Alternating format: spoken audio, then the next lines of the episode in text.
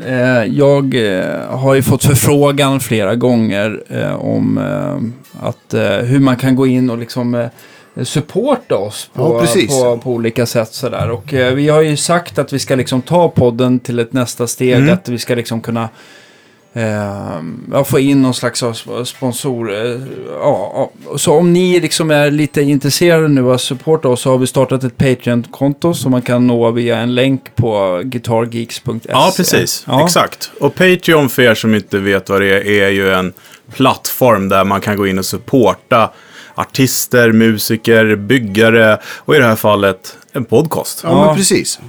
Och- Kreatörer helt och, enkelt. Och eh, hur funkar det? Kan man välja liksom lite själv hur mycket man Ja, vill man lägga kan, in? absolut. Man, man sätter själv hur mycket och hur ofta och allting sånt. Och, och många bäckar små, som man säger. Ja, Ja. så man, kan, man skulle kunna ge oss en euro per avsnitt till exempel. Ja. Ja.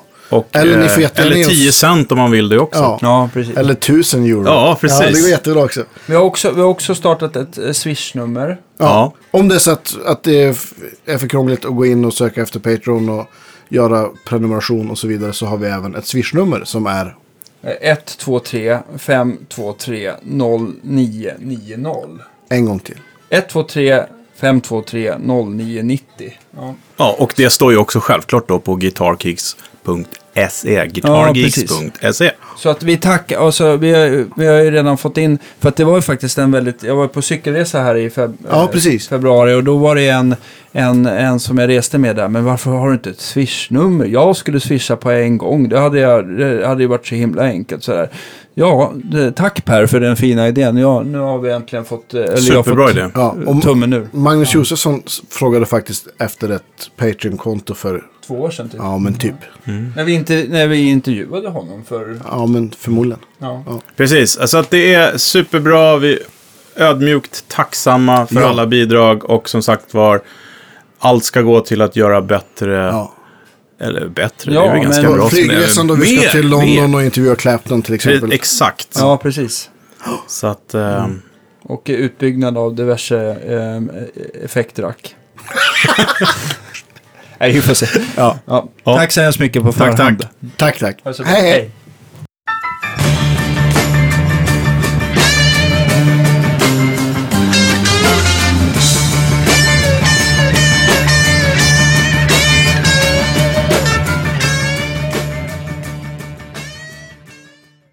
Bra koppling kommer på nu till musik. Jag var på en sån här clinic med Gary Willis på estrad. Ja. För typ... Det var nog jag också. Ja, det var det? Ja visst, nere i källaren där. Ja, exakt. Och då var det en som, då stod, hade han och spelat så här solo. Och så var det en, det var, för kom ihåg att det här var som en så här aha-upplevelse för mig. Eh, han, han sa, vad var det han sa? Eh, jo, det var en som frågade bara, ja men när du spelar det solot, vad tänker du för skala och vad tänker du för, och det var kyrkotonart och det var hej och. Han bara, ingen aning. Jag bara, jag bara spelar. Kyrkotonarten, det använder jag för att förklara vad jag gjorde. För att på något sätt, ja men där blir som en sån. För att på något sätt kunna teoretisera det i efterhand. Ja men visst. Eh, Ja, men så man tänker inte på ja, men verb, substantiv, objektiv. Nej, nej. Det tänker man inte på när man Nej. pratar heller. Man pratar ju bara. ja, exakt. Det är- Det är bara för att kunna liksom så här. Vad sa du? man borde ibland. ja absolut. Jag hade en svensk, jag har, eh, svenska lärare som, eh, jag höll på mycket med teknik när jag var ung och så, svenska var inte någonting som jag tyckte var jätteroligt. Så, så gjorde jag så praktikplats på bilverkstad. Så stod jag och meckade så kom hon dit hon bara Ja Fredrik, svenska språket är som den här motorn här. Du kan plocka isär den och så för att kunna plocka ihop den igen så måste du veta sitter. Det är precis som svenska språket. Ja, fan vad roligt. Jag förstår precis vad du säger. Men vilken effort ändå. Ja, eller hur? Tack så mycket. Vilken fest. Tack snälla. Luktar gott. Oh.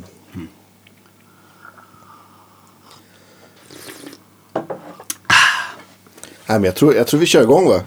Yes. Tack. Välkomna till Guitar Geeks podcast. Denna, vad har, vad har vi idag? Är det, det är mars?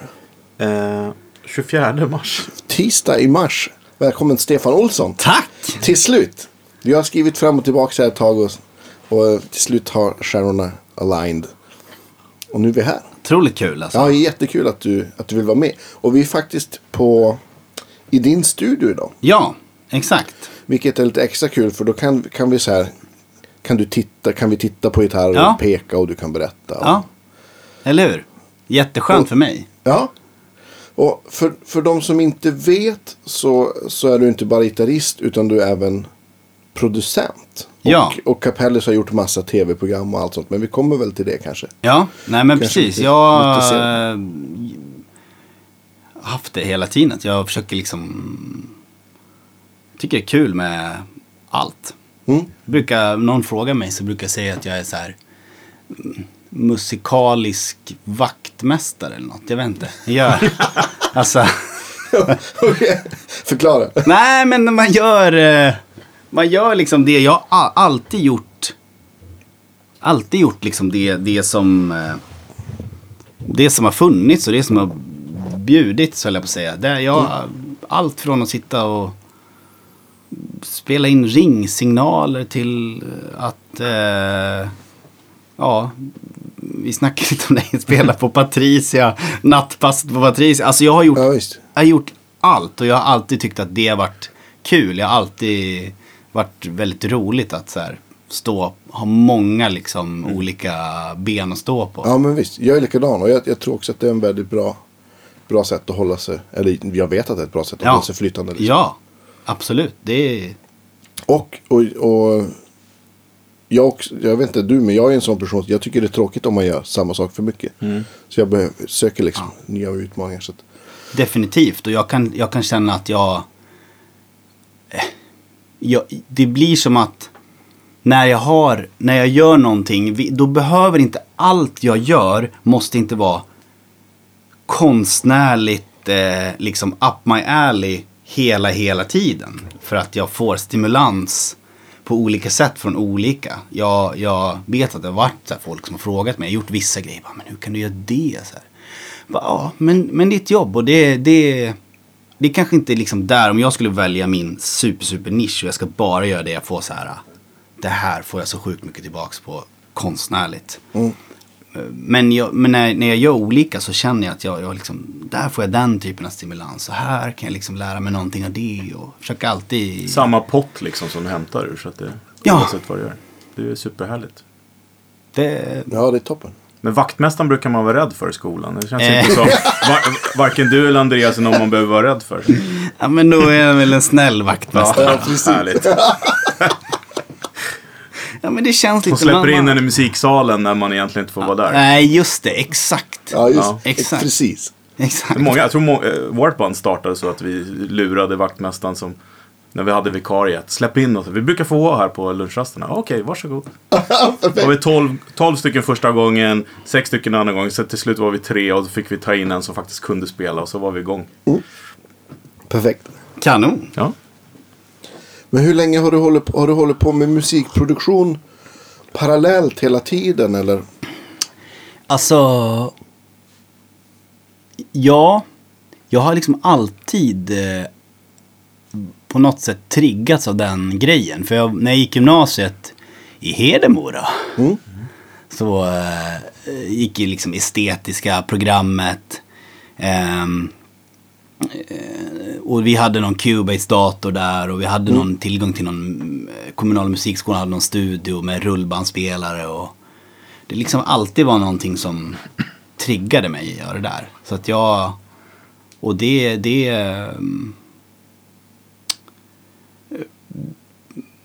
ja men det, det har verkligen varit någonting som jag, jag känner att det här tycker jag är riktigt kul med produktion och inspelning. Och, Men, men kom gitarren före liksom?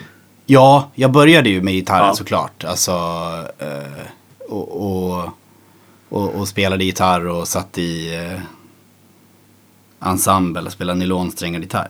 Då i och för sig ville jag i och för sig sluta, för det tyckte jag inte var kul. Men, men eh, sen började jag spela gitarr och, och på den vägen kom jag liksom börja på gymnasiet och spela gitarr. Då, men då var det som att den studiogrejen var kul. Och sen, sen tidigt.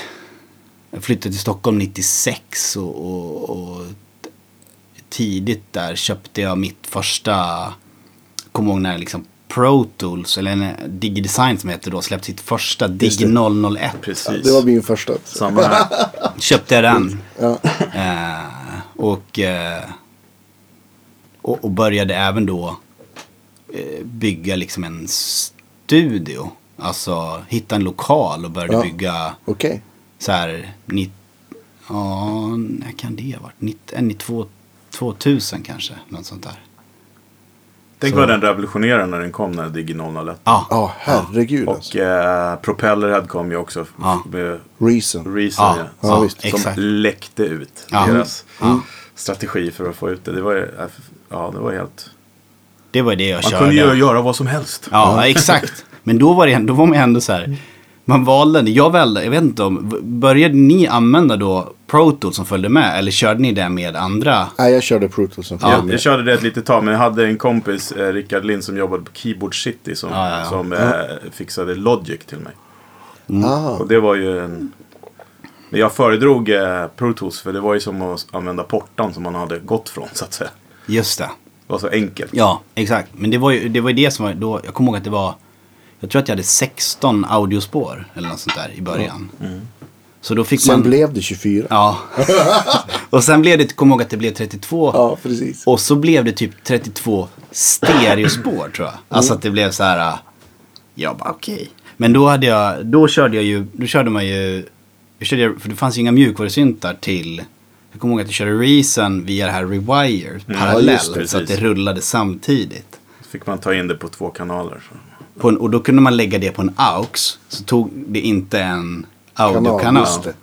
Ah, Så bara, fantastiskt. Ja, ja, ja. Otroligt kul. Så att eh, jag har kört eh, hela, hela, hela det där racet eh, med, med studio. Och det har ju också gjort att jag har kört eh, ända sedan första njurpodden kom. Ja. Så har jag liksom eh, köttat sönder alla typer av sådana Digitala. Men du har valt Ja. utrustning som gör, inom Ja. citationstecken är lätt att spela in då. Ja. Med, och, och smidigt Ja. och kunna sitta hemma. Och, Ja, ja. exakt. Ja. Och eh, det är på något sätt alltid... Jag vet inte, det, det, jag, jag har gillat den. Jag kommer ihåg jag satt och vred och bara åh, kolla så här, så här, här. Man tyckte att det var Mm. helt... Ja, det var Hade ju, du en- zoomen det var ju en rele- Den- revolution. Den lilla zoomen? Nej. Nej, alltså... Det var den som... N- 9002 eller? Ja, Den- precis. den? Den som man kunde sätta i skärpet. Jaha. Ja, just det. Nej, jag kommer ihåg att, ihåg att min gitarrlärare hade en sån här zoom som såg ut så. Ja. Det tyckte jag Ja, också var... Ja, just det. rack. Den- 9000. Som var halvrack ja, på något sätt. exakt. Det fanns ju en som såg ut som en freestyle. Just det. Som var helt magisk. Ja. Tyckte man då. Det var ju, men jag kommer ihåg, jag kommer ihåg att jag, eh, jag tänkte på det här om dagen att, att jag liksom körde den, men, men ända sen, nu kan man kanske kalla det för en sån liksom, jo på ett sätt är det väl en digitalisering kanske, men ju ända sen Marshall släppte sin Valve State, Ja, just det. så kommer jag ihåg att då, så här, jag sålde mina så här, jag hade en JSM 800 topp, så sålde jag den för att Valve State, shit så här, Metallica, Ja. Men det är väl nästan, nästan än idag. De två bästa. Det är antingen Volstate då för typ 800 kronor. Eller är det ju Mesa Boogie Rectifier. Om man vill ha just det där Metallica tjugget liksom. Ja, så. Sen kan man köpa butikgrejer för Ja, 50-60 ja, tusen. ja, ja. Men, just det här, att eh, just den här Valve State låter ju så himla bra. Definierade Ja. liksom hela den eran och eh, grym stark. Jag hade en sån 82 40 kan den heta det. Stereokodus. Just det. Så det var liksom Det var en, en ja just det. 212 va? Ja, kombo. Ja. Just det. Jag var jättenära förra året att köpa en. Jag såg en på annons för 1200. Då Varför? bara, Men vad ska du med den där till Andreas? Nu ångrar jag det lite då vi börjar prata om det. Jag bara. Nostalgi. Ja, Ja, men det är ju ja. någonstans, det är ju alltså nostalgin, man ska inte, eh, man ska inte, vad ska jag säga, man, det, det, det, är, ju- det är ju helt, det är ju fantastiskt med nostalgi. Jag, jag, Oh, eh, ja. jag har ju min, jag har ju tänkt ända sedan jag köpte min, min första, eller det var min andra elgitarr, det var en Washburn N2. Just det. Alltså Nu en Nuno Bettencourt. Eh, Mm. Och det fanns ju redan då. Det släpptes ju, den hade jag inte råd att köpa en sån N4 som var hans riktiga. Ja, just det. Och det har jag ju drömt om ända sedan dess. Kolla fortfarande nu så här ibland. Det dyker upp så här, för nu har de släppt. De har också släppt någon sån här relic. Ja, just det. Liksom Ja, variant Och på en den. televariant också. Te- ja, Med en telekropp. är det sant? Ja. Precis släppte. Ascool. Men jag såg en gitarr med upp och Ja, men- nervänt där inne. Ja, men jag har ju en N2. Ja, det- ja, det- jag det har- var- okej, det var en N2. Men jag fick Ja. nog här feeling att jag skulle slipa av, hu- slipa av färgen på huvudet. Jag vet inte varför. Ja, Okej. Jag tyckte det var coolt, så då gjorde jag det. Men eh, sen har den liksom legat i, i så här, isärplockad i bitar. Men, det, men och- det är den gitarren du köpte då? Ja, det är ah, den. vad kul. Det är den, Ja. N2. Det är ju... Alltså jag har bara sålt, vänta du måste tro, jag tror att jag bara sålt två gitarrer Mm. i hela livet. Det första var jag bytte in, min allra, allra första elgitarr, det var en Area Pro. Så mörkblå med hockeyklubba. Mm. Ja. Den bytte jag in när jag köpte N2an. Och sen någon gång köpte jag en vit Ibanez som jag sålde. Men sen har jag nog inte sålt Härligt. en enda gitarr. Alltså, och, och hävdar, grymt. att, hävdar att de inte, det är, inte- de är inte till för att säljas. Nej.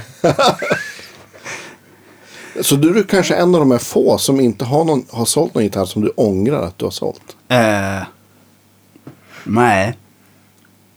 Nej. Sen, för sen så kom jag eh, efter den. När jag hade köpt en tvåan. Då kom jag ihåg att jag så här, eh, flyttade till Stockholm. Och spelade hårdrock.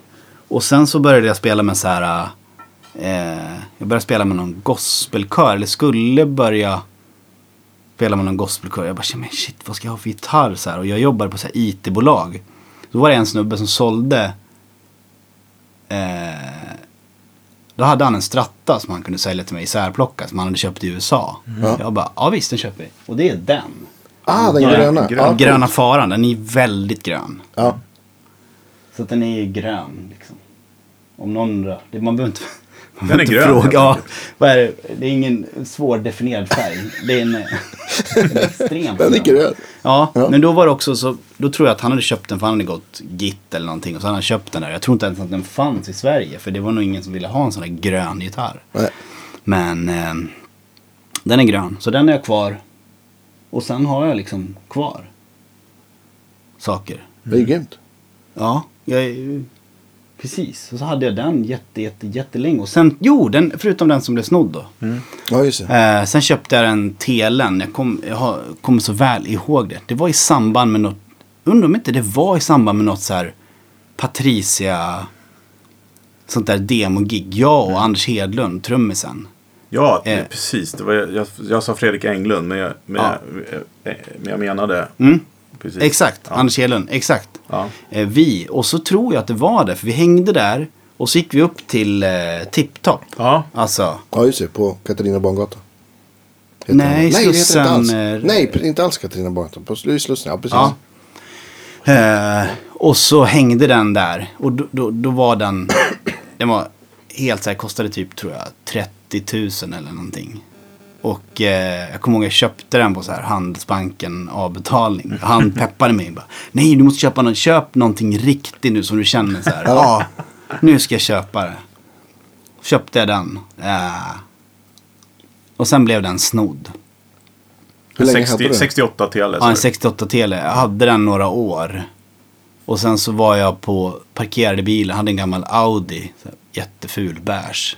Så låg den i baksätet, så gick jag in på så här flipperkonditoriet som låg vid Hötorget. Mm. Gick jag in, skulle spela, jag vet inte varför jag ska in där och göra. In och spela lite flipper och sen när jag kom ut en timme senare. Så hade de snott den ur baksätet. Ah. Ja, alltså, ja. Man ska ju inte lägga saker där, det vet man ju nu. Men eh, det här måste ju ändå varit liksom början 2000 någon gång. Så att jag tänker att man var ju lite naiv. Mm. Eh, men då köpte jag, och sen så köpte jag den telen då på pengarna. Alltså jag, jag, jag fick ut på försäkringen.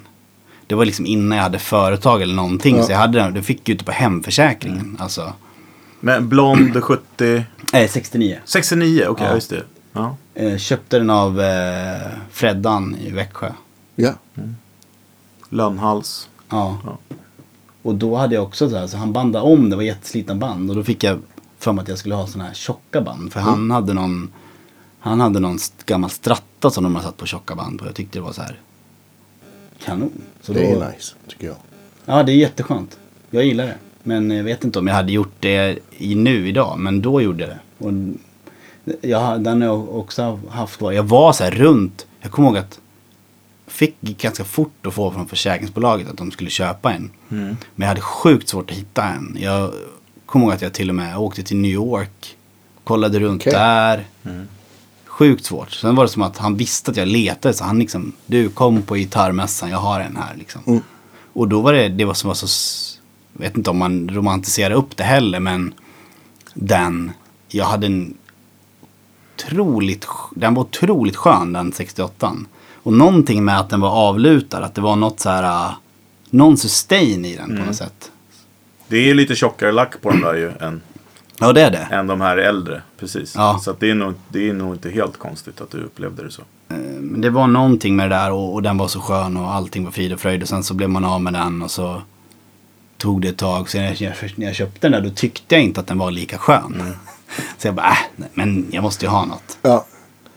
Eh, och eh, ja, där är, där är den och den är kvar. Mm. Men den här N2an. Ja. Vad, vad, jag misstänker att du var en stor Nuno-fan. Ja, på jajamän. typ gymnasiet. Eller Yes. är. Kanske Ja, alltså, ja, ja, jag, vad ska jag säga så här. Jag var, och det är inte att jag följer honom nu, men han är ju en av dem, han är en av dem så här, äh, som jag lyssnade på då, som jag fortfarande har en grym respekt för. Ja, och visst. som jag fortfarande Ja, tycker är grym. Ja. Eh, det finns jättemånga som jag bara, jag fattar inte hur jag kunde lyssna på honom överhuvudtaget. Mm. Eller tycka att det var så här. Men, men han är verkligen en av dem eh, som jag så här. ja, det går inte att ducka för. Hur bra det är. eh, det var någon annan, någon annan jag konstaterade också, så här, Dan Huff. Ja. Ja, visst. Alltså, jag lyssnade på Giant för länge sedan liksom. Och bara, Men han var ju alltid med i gitarrtidningen. Ja, ja, ja, ja, ja, han ja. hade ju alltid liksom de hetaste grejerna. Rackprylar, Ja, ja. Ja. Men eh, nu var det lite roligt. Eh, jag tittade på Extreme på Melody i Kungsträdgården. Det, må, det var 30 år sedan tror jag. ja. Eh, precis när Pornograffiti kom. Ja, ja, ja. Ja, vad coolt. Och det var ju bara musiker där. Ja. Och sen så ett halvår senare så hade de ju fått hitten då med More Than Words. Just det. Ja. Och då spelade de på Annexet, det måste ha varit år senare. Men då var det då, då bara, ah, men jag måste gå och kolla på liksom Nuno eh, Extreme. Och då var det liksom, vi var väl tio, tio gitarrister och så var det ju bara små tjejer. Så, som stod och skrek Modern Words. De fattade ju ingenting Nej. när de spelade såklart. resten av skivan. Nej. Det var ganska roligt faktiskt. Ja, såklart. För det var, de, det var lite malplacerat för båda liksom. Men, ja. Riktigt bra. Nej, men han är, ja. så Men nu spelar han med Rihanna, det tycker jag Ja, är- det, alltså, det är en av, dem, en av dem som gör så här bara shit respekt. Att han ändå både gör det och klarar av det och liksom Ja. med den äran. Så att, eh, Men han är väl precis som Ja. du också lite så multitalang och gör allt möjligt. ja det kanske han är. Han, ja, han är ju trummis egentligen som man säger. Just det, men det är vi väl alla höll jag på säga. Nej, men man, man hör ju det i hans rytmer att han är, han är ju väldigt rytmisk. ja, ja. Och han, höll ju på att rappa och allt möjligt. Och, när, vad jag har läst i alla fall. Ja. Har jag aldrig träffat honom. Men det kan, jag, det kan jag tänka mig. Grejen att också något som jag har tänkt mycket på när jag har så här attraherades av han. Så jag kommer ihåg att hur han spelade, liksom det här, det var väldigt rytmiskt och det var liksom det fanns en timing och någonting som och jag kunde inte riktigt, då kunde jag inte sätta fingret på varför eller hur. Men jag har ju liksom tagit en, jag har ju tagit en bana då jag lyssnade på det. Jag kommer ihåg så här också när så här Paolo Mendong, Ja, så när han samma, kom Ja, där. visst. eh, eller, mm, I alla fall in i mitt huvud. Han Ja. hade väl gjort några grejer innan. Men eh, Different faces. ja, typ. precis. Och den, eh, vad det nu hette innan där, med Respect. Ja, exakt. eh, ja, så jävla bra. Eh, det var ju någonting som verkligen triggade. Och sen blev det så för mig att jag halkade in mycket på så här soul och, och liksom James Brown och den typen. Att det liksom finns någonting. Jag kan ändå se det, för det var ju så här. Att där, när det inte fanns YouTube och det inte finns den eh, kommunikationsvägarna. Det var ju det var helt omöjligt att upptäcka saker på samma sätt som det är nu. Då Ja, var det ju bara, det var ju lite så här, man, man Speciellt här om man jag- gillade lite eh, hårdrocksaktig musik. Det var ju Ja. liksom norrsken på tv och så var det rockbox på radion. Vi pratar liksom under en och en halv timme i veckan. Ja. Så man kunde då eventuellt få höra något nytt. Ja. Ja men det var ju det var ju så här polare, eller vi har två stora syrror, det var deras killar liksom. Ja. Så här. Fick jag massa bra hårdrock från liksom. ja. Blandbanden. Ja visst. Så här, brorsan hade en eh, Final Countdown-singeln. Mm. Det var liksom det. Och han hade en skiva med Starship. Alltså, det var... Ja. We built this shit. Ja. Det var liksom Visst. det man fick så här, börja med. Ja. Eh, och det var så här. Och sen så var det... Det var ju tvungen... Eh, det var ju lite så här, nu, nu var det ju liksom... Eh, eh, ångrar att jag aldrig kunde snacka med honom. Men för mig var ju det så här, eh, jag jobbar ju med det här Stjärnornas stjärna tv-programmet nu. Och det var ju för eh, så här hårdrockstema. Och Ian Haugland var där Ja. och var så här Ja, hårdrockscoach eh, till de artisterna. Och eh, det har ju varit så här för mig. Ja, jag, då fick jag ruggig, ruggig flashback. För alltså, Europe live i Solnahallen 86 hade jag på VHS. Alltså jag har tittat sönder hela den. Ja visst. Och började diskutera, kom ihåg, vi började, nu började jag snacka med, med, med eh, Fjälli som också spelade gitarr där i, eh, i Stjärnornas stjärna. Vi började prata om att jag kommer ihåg så mycket, jag kommer ihåg ordningen. Jag kommer ihåg att de började med Final Countdown och sen så gick de in i Wings of Tomorrow.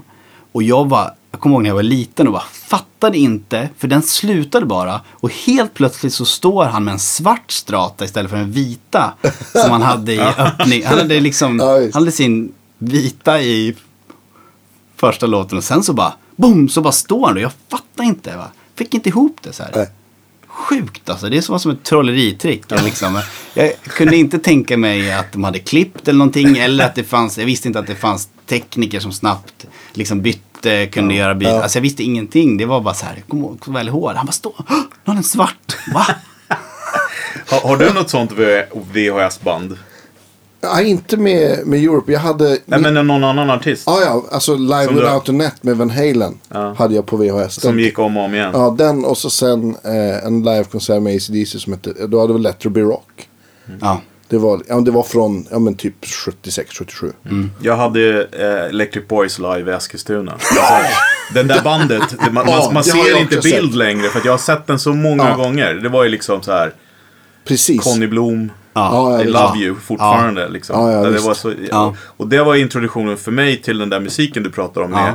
De var inne lite Just grann på det. eh, funky Mm. metal Ja, eller vad de kallar Ja. det. Så kom Ja. Extreme då som tog det. Och sen Paolo. Och sen, Ja. precis, jag har gjort samma resa också. Sen vart det soul, Ja. acid jazz, liksom. Ja. Hela det där. Ja. Men det, ryt- det, rytmen är fortfarande Ja. kvar liksom i allting. Ja. Det är spännande. Ja men det är exakt samma för mig. Och jag har så här, i efterhand kommit på att, ja men varför jag liksom aldrig så här small av på typ Halloween. Nej, så här. nej. men det, finns, det, är liksom, det, det är noll sväng och det är noll blues liksom, ja. underton. Sen insåg jag att ja, men, det måste finnas det för att jag, ska- för att jag ska gå igång. De hade snygg logga. Den har jag klottrat mycket. Absolut. Ja, jag hade så här, för det var polare som skrev, man skulle typ skriva, i skolan skulle man skriva så här bandnamn. Då. Ja visst. Eh, och det var liksom Saxon och det var ja, allt vad det där var. Och jag kommer ihåg att jag skrev också. Fast jag, jag visste inte vad det var, jag tyckte inte att det var bra. Eller Nej. när de sa utan det var, men det är för att, ja men det är tydligen det. Men det var aldrig något som så här. pumpan i mitten. Nej. Ja, visst. Hela den Ja. British, vad heter det? British New, New wave of British heavy metal. Just det, New Wave of British mm. Det kan hända att jag slänger på Woodpecker på Space faktiskt fortfarande ibland med Halloween. Ja, det är så? Ja. Ja, det kan hända. Ja, men, ja, men jag tror att nu tror jag att jag kanske, kanske skulle uppskatta det mer, mer ändå. Då var det så här, jag tycker, ja men det är tufft, det är hårdrock, men det är liksom inte... Det Nej, men liksom ingen- senare, jag lyssnade på någon Halloween-låt som heter, minns jag rätt nu, som heter Torture Chamber. Som är någon, något sånt där, någon nyare. Som var med liksom. Då tyckte jag att det var lite så. Och så hade, var det någon som sjöng som hade lite mera så här. Ja, det var en, lite hesare och lite, det kommer jag ihåg, jag gillade en låt. Ja, Okej. Mm. Men... Eh, Jag har ingen koll på Annars- den längre. Men Nej, inte jag har verkligen aldrig haft. ska Nej, jag men det, nej, det blev mer, för mig blev det liksom melodiösare och eh, sen tyckte jag ju såklart det var så här, så Pantera hade också någon sån här eh, Ja, ja, eh, svängigt. Sväng liksom. Mm. Lyssna på Walk, det är ju sjukt svängigt. Ja, Men, men den här eran då när du flyttade till Stockholm och, och började spela ute, som förutom att du använde njurpodden när du spelade in, vad, vad körde du live på liksom? Då hade jag eh, en... Alltså jag började spela, det blev liksom att det blev min live-grej. När jag flyttade till Stockholm så eh, pluggade jag, började på folkhögskola efter ett par år. Jag började egentligen så började jag först att jobba som IT-tekniker. Men sen började jag på en folkhögskola som heter Betel. Just det. Eh, och där var det liksom första gången jag träffade så här bra musiker, eller vad man säger. Alltså, vilket var otroligt kul. Och där träffade jag en, en eh, snubbe som heter Samuel Ljungblad. Ja, Eh, och från Umeå. Jajamän alltså. Så att, och eh, då var det först som att han, han gjorde ju någon sån här soul, hiphop, eh, gospelgrej redan då. Ja, visst. Jävligt bra. Eh, otroligt, otroligt bra. Eh, och då kommer jag ihåg så här, jag bara shit, här, han är bra alltså. Så jag kommer ihåg jag, jag, jag tog mod till mig och bara så här, du, eh, säg till om du, säg till om du behöver någon gitarrist någon gång. Ja. Han bara, ah, jag har redan en gitarrist. Så bara, okej, ja, ja, nej, det är lugnt. Så bara, eh, Sjukt bra imitation för övrigt. Och så... Eh, så det blev ingenting. Men sen så började vi, gick vi parallellt. Vi spelade i varsin ensemble. Och sen började vi jobba lite i den studion där. Och, och började spela in lite grann. Och, ja, det här prod- prodd-grejen som jag alltid varit triggad av. Och, och fick jag ju kunna hänga i den studion där. Och då blev det att vi gjorde lite grejer. Och helt plötsligt så var jag med i hans band. Eh, så att från Sen körde vi liksom ett race med, jag producerade tre skivor med honom. Och vi liksom giggade runt i tio års tid efter det.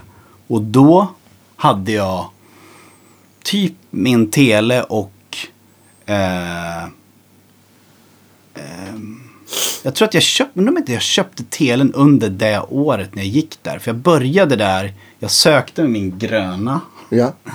Eh, spelade Room 335 Ja. på, på sökningen. Jag kunde inte improvisera, spelade, pl- alltså solo allting. Allt var liksom rätt av.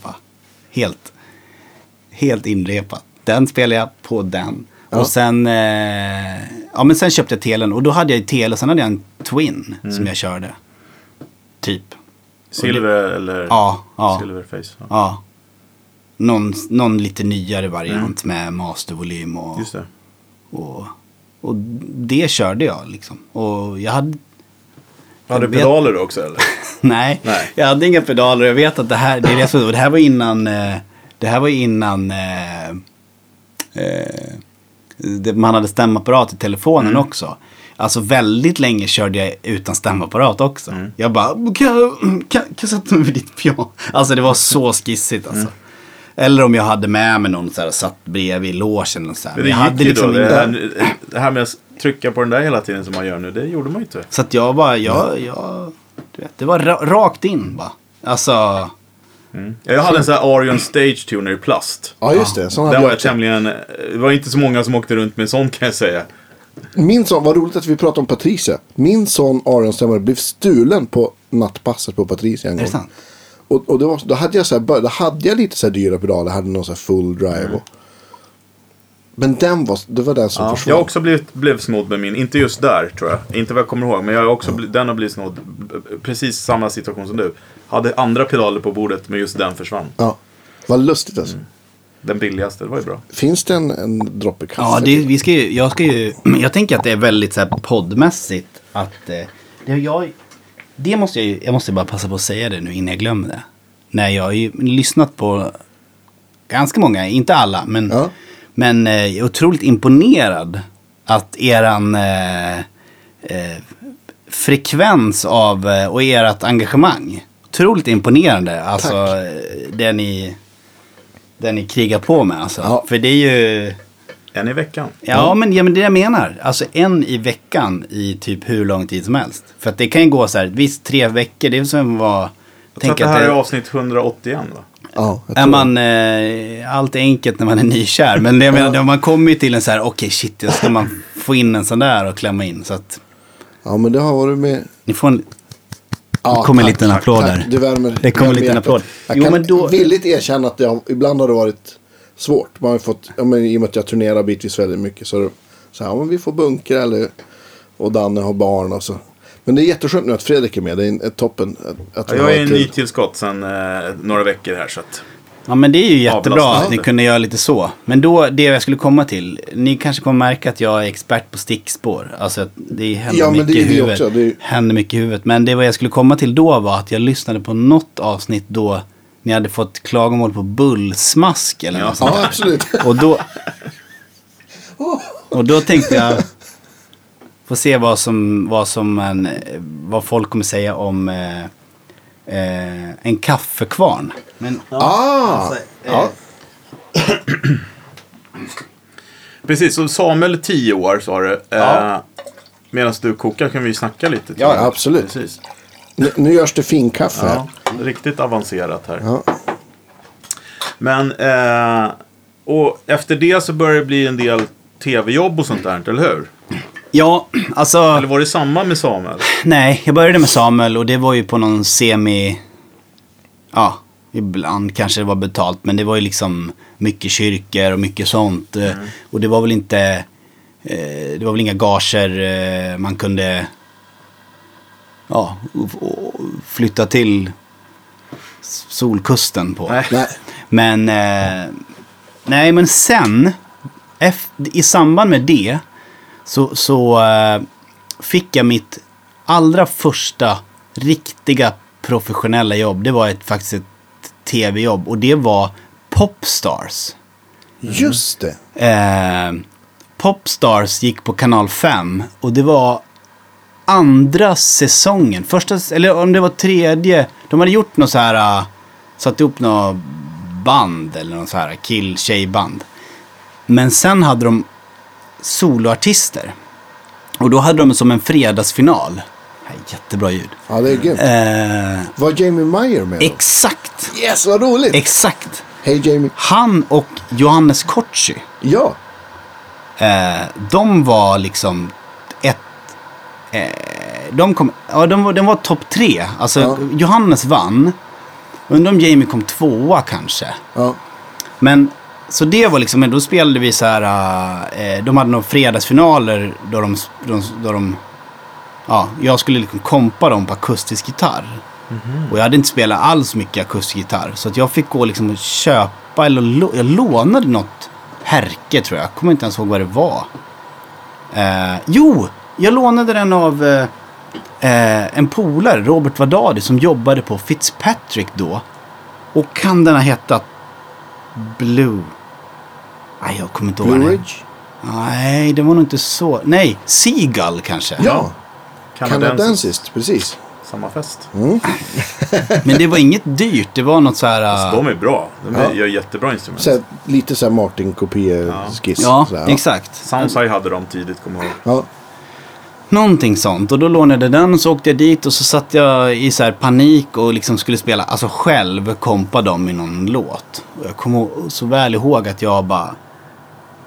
Jag hade ju panik, jag skulle spela i live-tv. Alltså så, här, så att jag bara, vi repade, repade, repade. Och jag hade så ont i fingertopparna efter vi hade repat. Sen skulle vi sitta och spela där i... i det, det är ju... Den, den grejen är ju faktiskt helt när man bara får en sån här cue av en studioman och bara kör. Och så vet jag att "Hå! jag ska spela introt. No pressure, it's Nej. all up to you. alltså, men eh, det var mitt... Eh, det var det jag gjorde och eh, det gjorde att jag fick göra några... Dels en liten miniturné med eh, Johannes Kotschi. Vi gjorde ja. typ några gig. Alltså... men, och sen fick jag följa med Jamie Mayer på... Ja. Han spelar förband till GES. Just det. det här måste varit 2004 någonting. Ja. 3, 3, 4 och det var liksom... Var det ni två bara? Nej, det var Det ett var helt band. band. Det var Okej. liksom, eh, det var ju Göteborgsbaserat det Just det. bandet. Alltså, det var ju, eh, Said kanske? Sajit var med ja. Ja. Exakt, exakt. Sajit Dölen, han var med. Och eh, Ken Ulf. Alltså Ken Sandin Just det. på bas. Eh, men det var, det var kul, det var otroligt. Det var min liksom, första. Det var också då eh, Micke Nogueira Svensson, hans första... Eh, Turné? ja, det var hans eh, liksom... Och då var han backliner och Ja, han var, han var, de var två. Det var Ja. han och eh, Martin Brängesjö. Eh, Ja, vad kul. eh, på varsin sida. Men då Ja. kom jag ihåg så här, Martin, han, stod, han, han gjorde liksom, han ville inte göra förbandet. så att det fick Micke göra. Så Ja. jag hade Micke liksom. Ja. Och jag kommer ihåg, den, det var också en sån här sjuk, eh, sjuk känsla att bara så här, men vadå, ska jag bara få, ska jag bara få gitarren när jag går på scenen?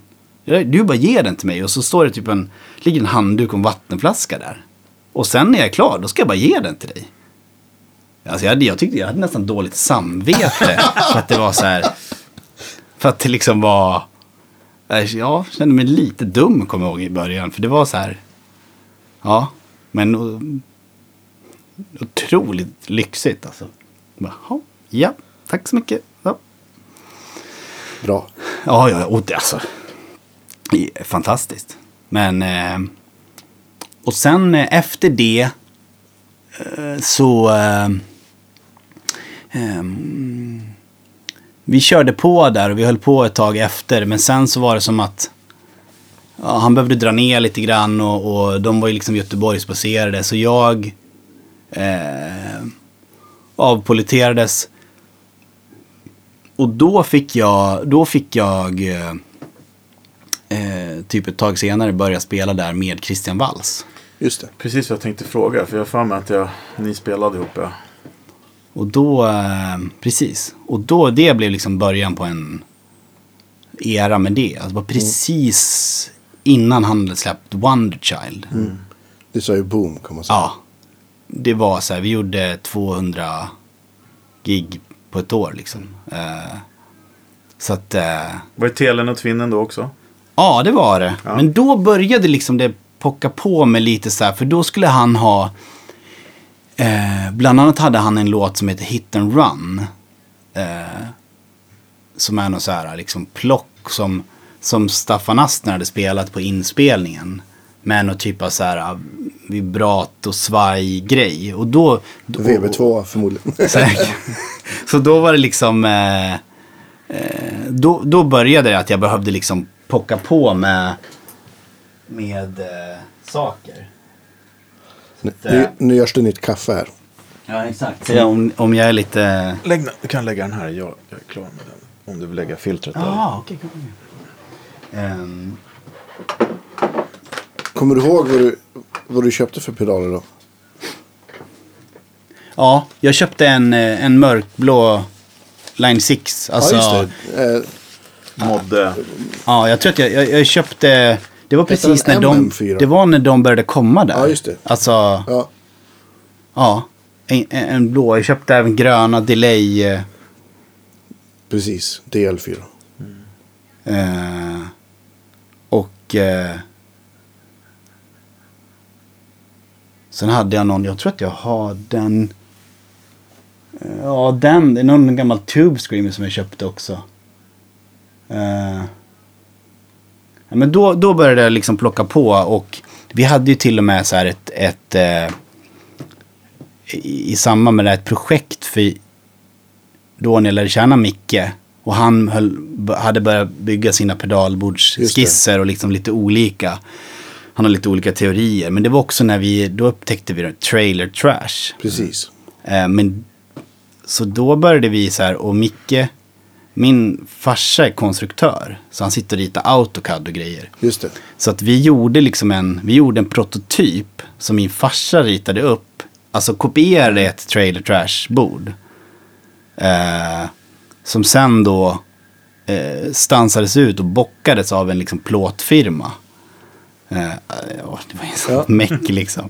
Men, eh, och, och sen var då tanken att det skulle liksom kunna så här eh, massproduceras. Men sen blev det ju ingenting mer det. Alltså det var ju Micke som fick driva det där och han hittade någon annan lösning på det. Men det jag, och det har jag kvar, det bordet som min farsa liksom Kul. Ja, autocaddade. Ja, fram liksom. Eh, men det var liksom med så här, kontakter och det var så här. Men det var innan, ja, så jag beställde en, en, ja, case och allting. Men sen så, jag, jag, jag tyckte att det alltid blev som att det, det blev alltid som att det, det var alltid något som pajade hela tiden. Jag vet inte, jag hade så här ganska dåliga sådana här äh, skruv... George L. Ja, kabel. eh, exakt. Det var alltid något som small och sprakade sådär. Så att jag, jag var ganska dålig på att hålla efter det.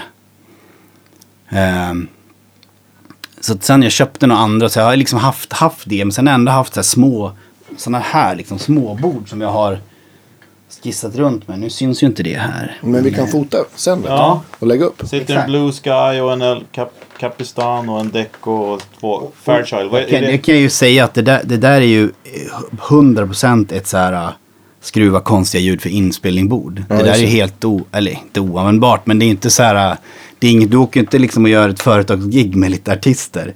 Eh, för det, det bara låter... Alltså. Nej, men jag, och de har jag liksom köpt de, där... uh, Fairchild. Ja, fa, fair, Fairfield Fairfield, Circuitry. Fairfield Circuitry, precis. Vad gör de? Det vet inte ens jag vad det är. Det är ju Ja. sk- skandalöst. Alltså, eh, de där är helt amazing. Det är något... Alltså när man tittar på, vad heter han den här snubben som eh, gör massa YouTube-videos? Eh, Thorne? nej, alltså mer som att det är pedaler bara. Alltså, och så tar han samma ackord i varje... Ja, men det då? Vilken tur att jag kan göra så här. Ja, men precis. Eh, och klicka, för jag har prenumererat på hans grejer. Eh, Nobs. Ja, det har jag missat. Dagens tips. Verkligen. Nobs. Alltså, Kolla. Oj, oj, oj. Oj, det var helgen räddad. Verkligen. ja, men alltså Nobs, alltså du vet, och allting, det är bara så här äh, atmosfäriskt och det liksom Älskar svajar och det är så här, och det låter så organiskt. Jag bara, det är liksom, och då, eh, då har det liksom blivit att så här, nästan varenda pedal han vill jag köpa. Och då, ja, där gör han liksom, och då är det bara så här, okej en sån ska jag ha. Mm. Ja. Okej, en sån. Eh, hur som helst. Men så då, då, eh, de där är hooked och det är samma med det där Bonar. eh, Just det. Delayet, det är också så här. Binson Eko i pedalform. Precis. Ja. Jul... Eh, eko. Ja, exakt. Ja, de låter väldigt, väldigt fint. Får vi, får vi det bra ljudet nu igen? ja. Det här är det bästa. TS9.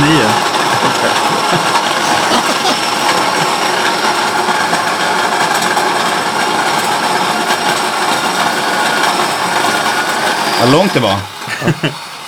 Och vad vart det efter vals då? Nej, men alltså jag körde på med det där och någonstans, och det, det här med att jag har, haft min studio och eh, hela tiden gjort andra saker, så har jag liksom parallellt då, det var ju mycket vals där, då var det liksom mycket vals. Eh, och lite Ljungblad. Samuel Ljungblad, det var liksom det som, hela- känns som att hela mitt 2000-tal gick åt till det. Ja. Men sen på slutet av eh, 2000 då började jag, då började jag spela Idol-bandet. Just det. Mm. Ehm, och gjorde det samtidigt som jag började göra, producera backtracks till Alltså just det, det här, det här nu måste jag ju backa igen, förlåt. För det är en grej som, som, eh, som jag glömmer bort. Och det var ju att is- e- egentligen innan jag började innan jag började med ehm, eh, Jamie och, och gjorde det där så började jag jobba som ljudtekniker på Golden Hits. Okej. Tillsammans med Jerker Advall och Per Björling. Ja, precis. Järngänget. De, jag blev headhuntad. Alltså, vi ska backa ännu längre nu. Därför att på gymnasiet hade jag Jerker Adevall som lärare. Just det. Eh, tillsammans med liksom... De Typ var ju... ensemble eller något sånt där. Ja, precis. Han var lite där och var lite baslärare. Det var ju, ett- det var ju ett gäng. Alltså, eh, Hedemora, Långshyttan. Det var ju liksom Granestad. Ja, men alltså, visst. Ja, med hela Easy Kit. ja, exakt. Ro, Mårten Ronsten var Ja, ju visst. min klassförståndare. Jaha, vad roligt. Ja. Fantastisk människa. Ja, ja, otroligt. Att han, hans, jag skulle nästan säga att han också, han var liksom var en, han höll också på mycket så här och eh, komponerade och skrev Ja. och gjorde liksom så här. Och det var också någonting som gjorde att man såg att man behövde inte bara sitta och så här öva paradidlar eller liksom skalor utan Ja. liksom.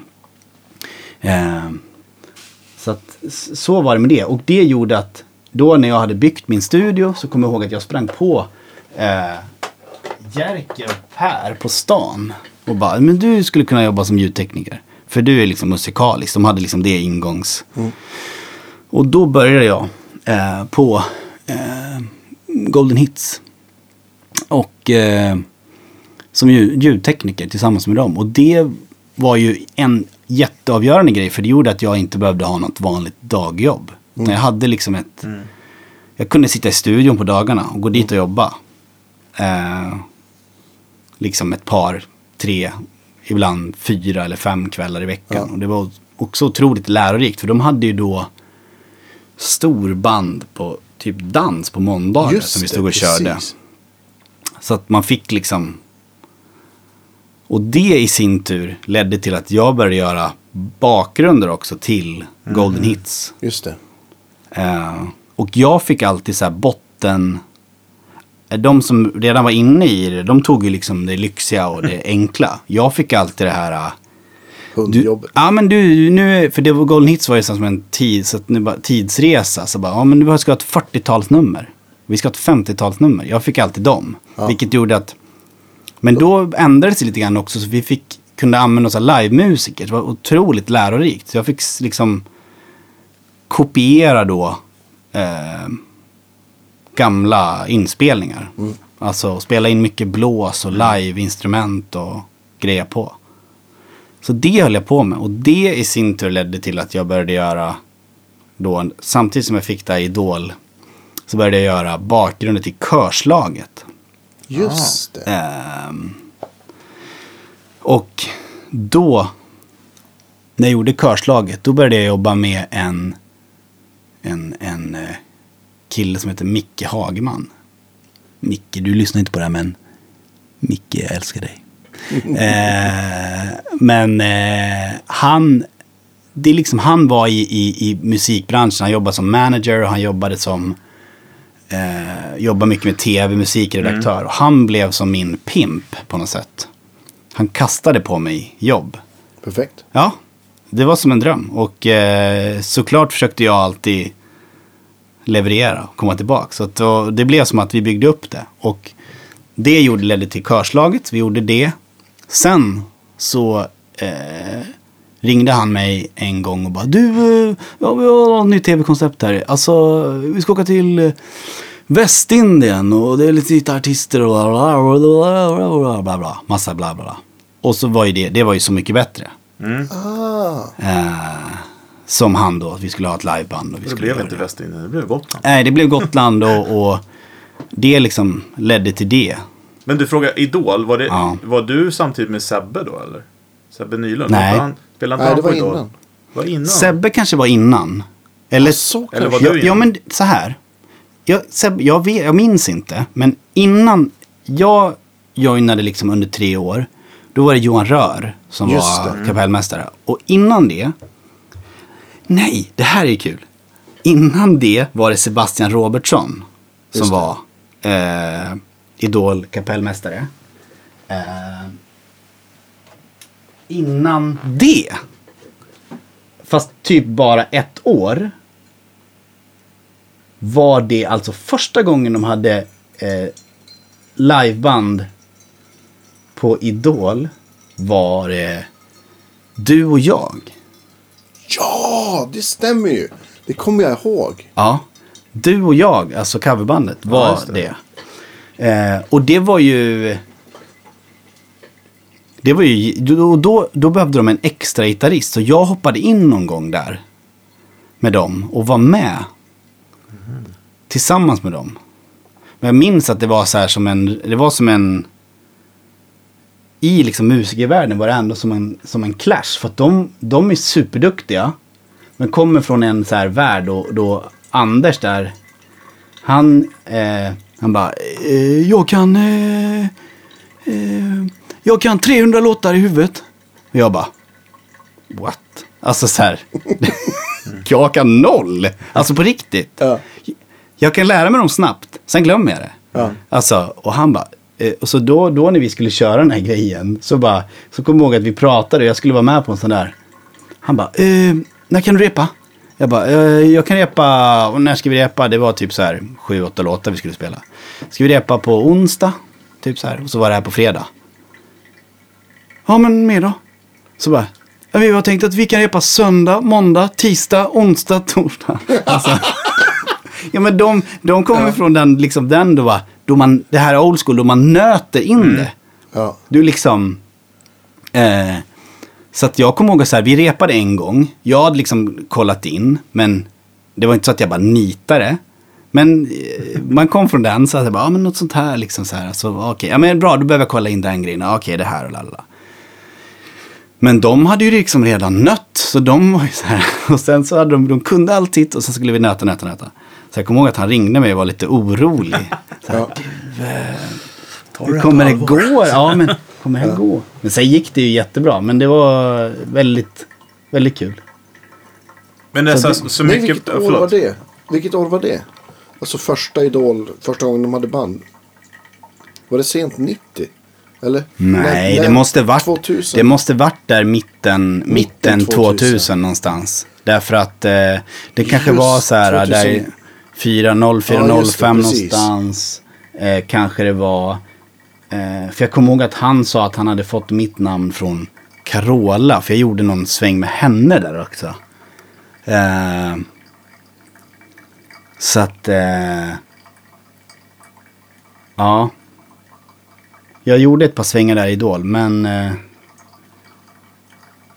så att undrar om inte de bara var ett år. Och sen var det Sebastian Robertsson typ kanske två år. Och sen var det Johan Rör i... Jag tror att vi gjorde det i tre, tre år. Eller något sånt där. Glömmer bort att det har hållit på så länge. Ja, men precis. Men och det är likadant med Så Mycket Bättre nu har jag också hållit på länge. Ja. Och det har du gjort allting. Ja, alla år. Fantastiskt tio, program. Tio Ja, säsonger. verkligen. Tio Ja, det- säsonger. Det är helt... Eh, ja. Svårt att... Och åtta liksom. Det är åtta gånger... I och för sig, nu var det ju folk som kom tillbaka. Men det har varit sjukt många artister med. Och... Eh, otroligt. Har ni så kul som det ser ut som ni har? Eh, alltså jag tänkte, ser det ut som att vi har kul? Men det kanske det gör. Men Ja, ibland... men, alltså, ja, den musikaliska glädjen kanske nej, man ja, men jag, jo, ser i alla fall. Nej, men alltså jag, jag, som en liten parentes nu sist så bara sa jag så här, nej men hörni, nu måste vi så här, nu tar vi bort alla pallar. Vi har haft liksom pallar så här så att vi, det är, det är svårt, man kommer in i det själv, att man tänker inte på att, eh, att det filmas Ja, eller det, så. precis. Så man sitter där och bara hänger på den här pallen. Ja. Och sen så, även fast vi drar igång och så här, vi repar lite, och man är lite inne i det, man fokuserar och så här. Så tänker man inte på, alltså, går upp på en scen och en show och det är Ja, publik visst. så här, då bara, då är det automatiskt. Men här är så här, så det blir liksom, jag, så jag har nästan tänkt så här tvärtom, bara, vi ser bara, Okej, det, är, det är inte så att ni showar, men, Nej, eh, nej, men- men- den men vi har- musikaliska glädjen vi i det har- ni spelar skiner ju definitivt vi igen. har, vi har ju väldigt, vi har ju väldigt kul. Alltså det är ju ett, eh, och det märker jag så här återkommande att alla, alla som är med, alla liksom, vi försöker, vi försöker hela tiden pussla så att alla kan vara med, även fast det ligger alltid så här rep och inspelning är alltid så här maj, juni. Så att det är liksom alltid krock med turnéer och och, och liksom när alla ska ut inför sommaren. Eh, så att, men alla vill verkligen vara med och det är super, super kul. Så att, eh, eh, ja, det, det är ett, ja, jag, jag, jag kan inte tillräckligt säga hur kul det är att få möjligheten att göra det. Och hur, hur mycket, det har väl säkert ännu men hur mycket av, av det har du producerat musiken till? Och hur mycket är gjort av andra producenter? Det är väl, också väldigt, väldigt olika. Ah, okej. Eh, alltså första året vi åkte dit, då var det som att ehm, det var, då fanns det liksom ingenting att det skulle släppas någonting eller att det skulle Ja, göras någonting så här. eh, Utan eh, då, då, då åkte vi dit, sen sa de, då, det här var alltså i september. Då sa de så här, eh, ja men vi funderar på om vi ska släppa det. För när vi spelade där på plats då var det som så här, ja, det kommer väl visas som en så här låt i Nyhetsmorgon. Ja. I don't know. Och så sa de att eh, nej, vi, ska, vi ska släppa det. Och då, då skulle vi släppa vissa låtar bara. Och då var det som att så här, vi hade ju repat det innan. Och viss, då var det egentligen bara Petra Marklund och Petter som hade liksom gjort förproduktioner eller man Just det. säger. För hon hade sina, hon hade sina liksom eh, dansgrejer som hon kom från och han hade sina hiphop. Så han var tvungen att liksom och, och Tänka till. tänka till. Men då var det också så att Petra gjorde sina, eh, sin mikrofonkåt som blev mega. Alla Mega. hennes tolkningar var ju så jädra bra. Ja, Så- men det, det, hon, det, vis, det blev väl liksom att det, hon var väl en av dem som på något sätt satte lite grann vad konceptet är och vad att det kan bli. Och att också vad de har följt upp med. Med till exempel så här Miriam Bryant. Att det måste inte vara det mest, mest kända. Utan Nej. det kan vara att man får upptäcka någon Kvalitet. Nå, ja, upptäcka kvalitet, precis. Så det var väl det hon gjorde. Och då producerade jag två av Petras grejer när hon gjorde lite så här lugna ehm, eh, Teddybjörnen Fredriksson och Vem ska jag tro på gjorde hon. Kommer. Ehm, men, men då var det som att, då, annars gick vi in i studio bara. Det var som att vi ehm, vi gick in på Soundtrade och bara så här, ja, matar in Mm. 20 låtar, någonting sånt där. Och eh, eh, sen så, ja, och gjorde klart. Och då blev det som att jag producerade mer. Och sen så år två, då blev det lite mera att det så här valdes, att de hade liksom lite grann sina egna. För det liksom, de såg vad det kunde leda till. Och det, blev det. också att, det blev också ett sånt år då, då eh, de kunde välja och vraka. Första året så kunde de inte, det skulle varit åtta artister, men de fick inte ens ihop åtta. Nej, folk tackar nej liksom. Ja, folk tackade nej för de bara, ah, jag är osäker. Jag kan förstå det, för det fanns ingen bra plan och sådär. Men, det var, men vi åker till Gotland eh, och så här har, eh, de har liksom sålt åtta program till TV4, men vi har sju artister. Eh, så att det var så här, vad gör vi i program åtta? Äh, vi, får snacka om det under veckan här liksom. Härligt. Perfekt. Och då blev det som att det blev någon så här, ja, ihopsamlingsdag och de började sjunga lite duetter och la la la. Ja, det blev som en liten nödlösning kan man säga. Ja. Ehm, så att, eh, ehm, nu ska jag faktiskt göra så här. Nu ska jag hälla upp lite kaffe till dig här. För Ja, nu, har jag, nu Oh. körde jag en, en rejäl... Men och, och på den, eh, om jag förstått det rätt, så var det, då var det moduleringsgrejer va? Alltså, första året ska jag faktiskt säga att jag eh, Förlänga parkeringen bara. körde min... Eh, Tacka. Det kan jag ju kom, det kan jag ju, eh, jag fick ju lite hybris där med, med vals. Att jag började köra dubbla, då hade jag en Mesa Boogie, sån här Lone Star. Och en, någon så här Fender eh, DeVille 412. Eh, så mitt första år är så mycket bättre, då körde jag faktiskt min Mesa Boogie. Men sen från år två, för då parallellt då när jag hade liksom kört alla de här uh, Njurpodden och, och Podpro och jag körde, gick över till Eleven Rack. Just det. Så att eh, första på Idol körde jag 11 rack. Okej. Alltså då 9, 10, 11 eller vad det var. Då hade jag 11 rack och så hade jag pedalbord till den. Ehm, så det var egentligen så det, det var så det började. Att jag körde liksom, för jag tyckte liksom att jag kunde, så här. Alla gånger jag har gjort liksom in, eller många gånger när jag har gjort live-gig som har spelats in. Eller, eller tv-spelningar. och jag har haft min, en, en stärk som jag, där jag står låter bra. Men när jag lyssnar på det efterhand så låter det inte som jag hade tänkt eller velat eller trodde. Eller vad man säger. Och det där tycker jag egentligen med allting. Med, med så här eh, trummor, keyboard, alltså när du spelar med wedgar och du har rummet och du har luften och du har allting. Då, s- då, då, då spelar du på det och lyssnar på det och det är det du vill på något sätt tycka. Det här är fett. Nu Och du är det hittar en balans. Det är det man förhåller sig till hela tiden. Trycker du in de här i neren eh, och du får de här, eh, allting är liksom virvel, allting är liksom bara det här. Det är en, en av mina tråkigaste ljud jag vet, det är närmickad virvel. Alltså Ja, det visst. låter bara...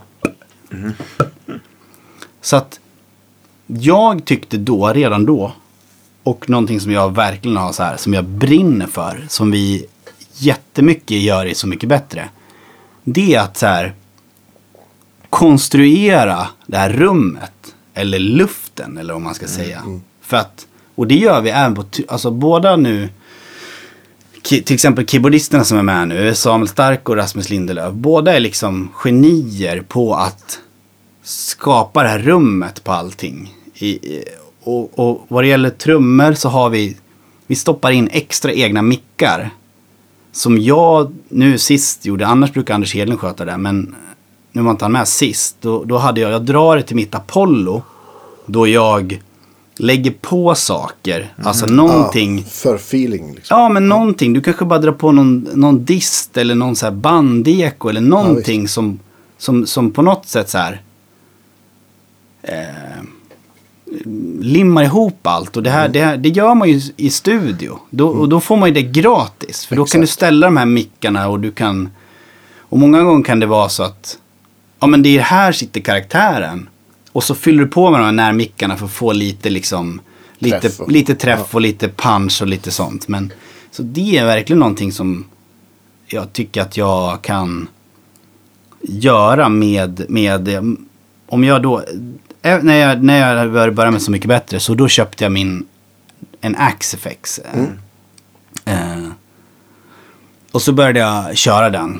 I- till en början så använde jag med pedalbord och den. Sen började jag nyttja den mer och mer. Men jag, och, och det var liksom för att kunna liksom justera det här. Och jag upplevde mycket mer att framförallt då inspelnings, att jag kunde så här bestämma mitt sound. Visst. Eh, och bara... Och det jag hörde, jag upplevde som att det jag hörde i efterhand var mycket mer det jag, ja men ja, jag känner igen mig. Och att jag kunde jobba i stereo. Det är så här, ah, Visst. det var som att så här, oj, jag, det är inte bara, jag är inte bara en så här jobbig snubbe i mitten som alla vill sänka. Utan jag kan liksom också finnas här ute bland. Ehm, så för mig var det en, en jätte, jätte, jättegrej. Alltså att kunna, och då, men sen tyckte jag att Axifexen, jag hade hela tiden datorn. Dator och den här editorn. Editorn, ja, visst. Därför att det var, för mig var den här display var som en liksom, Nej, gammal särskilt den synt. första, det var ju så himla lite display också. Och du undermenyer Ja. och bara så här. Så jag bara... Eh, Skitsvårt att se också. Faktiskt. ja. Så att det var så här. Nej. Och, och, och, och jag gick över till... Eh, jag gick över, men jag köpte, hade den Kempen också parallellt. Eh, men där tyckte jag inte att jag... Då kände jag att den lät skitbra, men jag kände att jag behövde pedalbordet. För, för, Precis. Effekter. för effekter och, och, och, och sånt. Så att det blev liksom, sen när Helix kom så har jag bara kört den. För, och det Bara för att jag tycker att den är enkel och... Alltså de låter bra alla tre. Det är så här... Absolut. Eh, det är bara liksom en användar... Användargrej liksom. Men, Men, du, du körde på... Um, på Avicii... Just det. Tributkvällen, det var Göran byggt upp ett bord åt det, eller? Ja. Nej. Eh, Sound of Silence, nej? nej, jag kör Nej, det kanske var någon annan gitarrist som hade... Ja, Det var Carl- Carl Falk. Ah, förlåt, Ja. sorry. Ja, Ja. exakt. Nej, jag, jag såg hel- att han postade att det var på... Jag trodde att det var ditt. då. Nej, det För det var var... väl också en blandning av pedal, analoga pedaler och eh, digitala? Ja, han hade något... något eh, minns inte vad han hade, men han hade lite blandat där. Men han, just det, han körde... Han hade aldrig kört det. Han hade, ville ha då eh, två AC30 som han använde. Men det blev att han körde två, att han körde två Kemper istället. Då. Men sen hade han sitt pedalbord så han använde bara det som en, Som en stärk, Som en stärk. Och, men du körde Helix? Jag körde Helix. Den där fot... Ja, precis. Den, jag, har, jag har två. Eh, Vilken modell är det där? ja, alltså, finns det fler? Ja, det är den stora. ja. Det där är den stora? Ja, men precis. Jag tror att den bara heter Helix. De andra tror jag heter de mindre. LT, just det, light. eller LT, ja, så och sen stomp. stomp. Just det, Ja, precis, precis. All exakt. Ja men det är den eh, som jag använder. Eh, och och eh, jag skulle vilja ha en, en så här, jag har sagt det till dem också, jag skulle vilja ha typ ha en Helix Pro.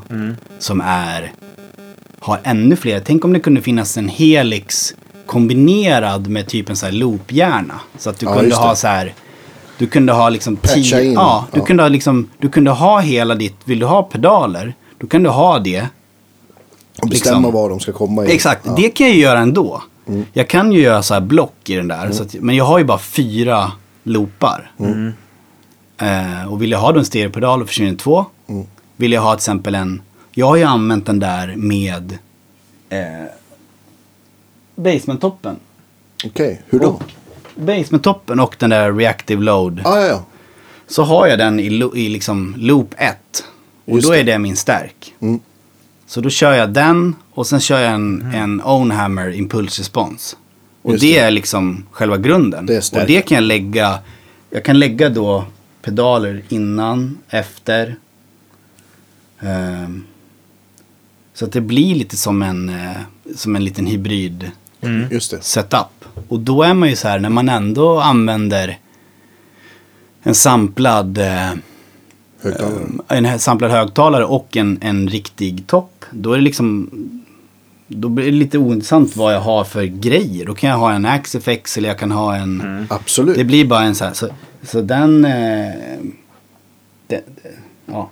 Kul, jag har aldrig hört någon som, det har aldrig ens tänkt på själv, att lägga in, koppla liksom starkare loadboxes och sen in i, Nej, på det sättet. Och det är ju skitsmart. Ja men alltså jag, då får jag, känner jag att, alltså jag kan spela med den där rätt upp och ner, absolut, inga, inga problem. Eh, vill jag så här, ta det ett steg till, a, a, att eh, eh, när jag använder till exempel den eh, basement-toppen, eller den surtoppen i och för sig också, den har jag också kört lite med, med Helix. Då, då, då får man det här eh, svaret, det här lite komprimerade liksom Lite mer sköna. känsla Ja, i det, någon, det är liksom det, lite mer som... För det är väl det som är det svåra för många. Ja, Eh, ja, Man inte har Spelkänsla. anslaget. ja exakt. precis. Exakt. Så det är ju bra. Men det här, eh, jag, jag såg faktiskt det där eh, hårdrocksavsnittet här. Ja, ja, ja. Ja, Eh, När ni spelade utan publik. ja exakt. Men då, då körde du på den setupen eller? Eh, Då hade jag bara Helix. Ah, okej, ja. Och din Eh, Huber-gitarr? Exakt. Den är exakt. fin. Ja, den är helt fantastisk. Alltså, Krautster 2 va? Krautzer 2. Eller exakt. Les Paul-varianten? Ja. eller? Ja, den... den eh, Har du köpt den av Sebbe eller? ja, Ja, shit. Jag, du har nog spelat på den. Fantastisk gitarr ja, alltså. otroligt bra. Alltså, och, Svart. Ja. Jag, jag, eh, jag köpte i, samband med den här Christian Waltz-turnén så köpte jag en Les Paul. Ja. Eh, och det var ju så här eh, superlyxigt för att jag fick åka till Lutman och typ så här testa olika. Alltså, Ja. eh, det gjorde jag faktiskt med den och den Avalon-acken. Ah. De, två, eh, de två köpte jag till en vals. Eh, och båda gånger så var det superlyxigt att jag fick åka och testa och liksom eh, liksom känna på dem och, och förstå att första gången som det gick upp för mig att jag sätter upp tre identiska standardmodeller av en Les Paul och de är liksom olika i hur de kommer ut i, i, i liksom själva akustiska soundet och allting och hur de resonerar. Och, men, men jag blev aldrig kompis med eh, Les Paulen. Eh, det är liksom den, den, det är lite som en, en kanske så här Flying V. Att den liksom inte så här, jag fick ingen så här eh, balansen i den. Vet inte, Den hängde alltid konstigt på mig. Alltså, så det var så svårt. Och då när, när jag provade den här, men jag, be, jag har alltid behövt den för soundet. Alltså, för att den står för något eget på något sätt. Ja. Eh, och och eh, då när jag testade den, jag, och då har jag liksom köpt, när jag, när jag var inne på, ja men jag har liksom massa så här, jag har Grekon, eh, eh Strattan och lite så här, eh, köpt grejer som jag, eh, ja de är bra men jag fick bara något ryck att jag skulle säga, men jag, jag skulle vilja ha typ tre, fyra riktigt, riktigt bra instrument. Mm. Eh, för att jag fick den, eh, och, och då var det som, då, då, då köpte jag den där Krautzer 2 Och den, har ju, den är ju lite så här tjock hals, lite lättare i kroppen. Det blev liksom en annan balans. Lönnhals också på den ju. och att den har bellycut. Så att, så, att man, så att den kommer in så här. Det var ju faktiskt en sjuk grej när så här. Eh, tänkte på. Jag körde min tele när jag ska. Jag hade inte spelat på den skitlänge. Eh, och så så här. Eh, så här parenteser. Eh, när vi gjorde den här Avicii-konserten så skulle, jag, så skulle jag använda telen tänkte jag. Och då hade jag liksom. Jag hade tränat ganska mycket i höstas. Jag hade gått ner lite i vikt. Och helt plötsligt så. Så, så se, alltså jag bara, jag är lite van att den är lite så. Alltså att den vinkar. Att det lutar Ja, att den är lite så här. Så jag bara, och så då bara, häsne. Nej, Så hade den liksom, och jag bara, men vad, Men jag ser. jag ser ju inte vad jag lirar. För att den är rakt Ja, det liksom. är skitkul. Konstig, konstig parentes. Men, eh, jag måste, alltså den Avalon, jag måste bara hypa upp den lite. Alltså, vilken, det är nog den bästa akustiska gitarr jag... Vilken mo- modell är det? Det vet jag inte. Ser du vad det står Andreas? Nej, jag kan kolla. Alltså, eh, den där. ehm, var det någon? Det var så här. Det var någon snubbe i Örebro. Legendary Series. Modell A32C. Ja. Att du inte kommer ihåg det? Nej, eller hur? Pinsamt. Eh, nej men. ehm, det var en snubbe i Örebro som var återförsäljare för de där. Och de hade precis, det där är deras liksom handbyggda variant. De hade släppt en, en eh, Kina-variant. Som eh, var, ehm, ja, som skulle vara liksom billigare då. Just det. De kommer till Sverige i stort lass och spricker av eh, vädret. Ah. Och de typ går i konken eller någonting så här. Vilket gör att den här, han höll också på att gå konken, han återförsäljaren. Eller om han gjorde det, jag vet inte. Men då blev han kompenserad med deras custom-gitarrer. Så jag fick åka, åka då, Ah, shit vad coolt. Eh, så att, Och eh, tur för dig. Ja, jätte, ja, ja, ja, det var helt grymt. Så att, eh, då åkte jag dit, så sålde han dem. De kostade typ så här 35 kanske. Ja. Jag tror jag fick köpa den för 15 eller något sånt där. Eh, men då var det också, jag fick åka dit och testa och bara, men shit vilken bra gitarr. Eh, helt fantastisk. Och sen ser jag Novo också. Ja, exakt. Den där är ganska ny, för den var inte länge Ja. sedan jag såg. Nej. På väggen. Exakt, men den är del i den här planen att ha ett gäng, Bra. gäng bra Riktigt Ja, instrument. sjukt Alltså, bra guror. Ja, min Jazzmaster har jag använt sjukt mycket. Alltså, Mm. Jag kom på att den är ju...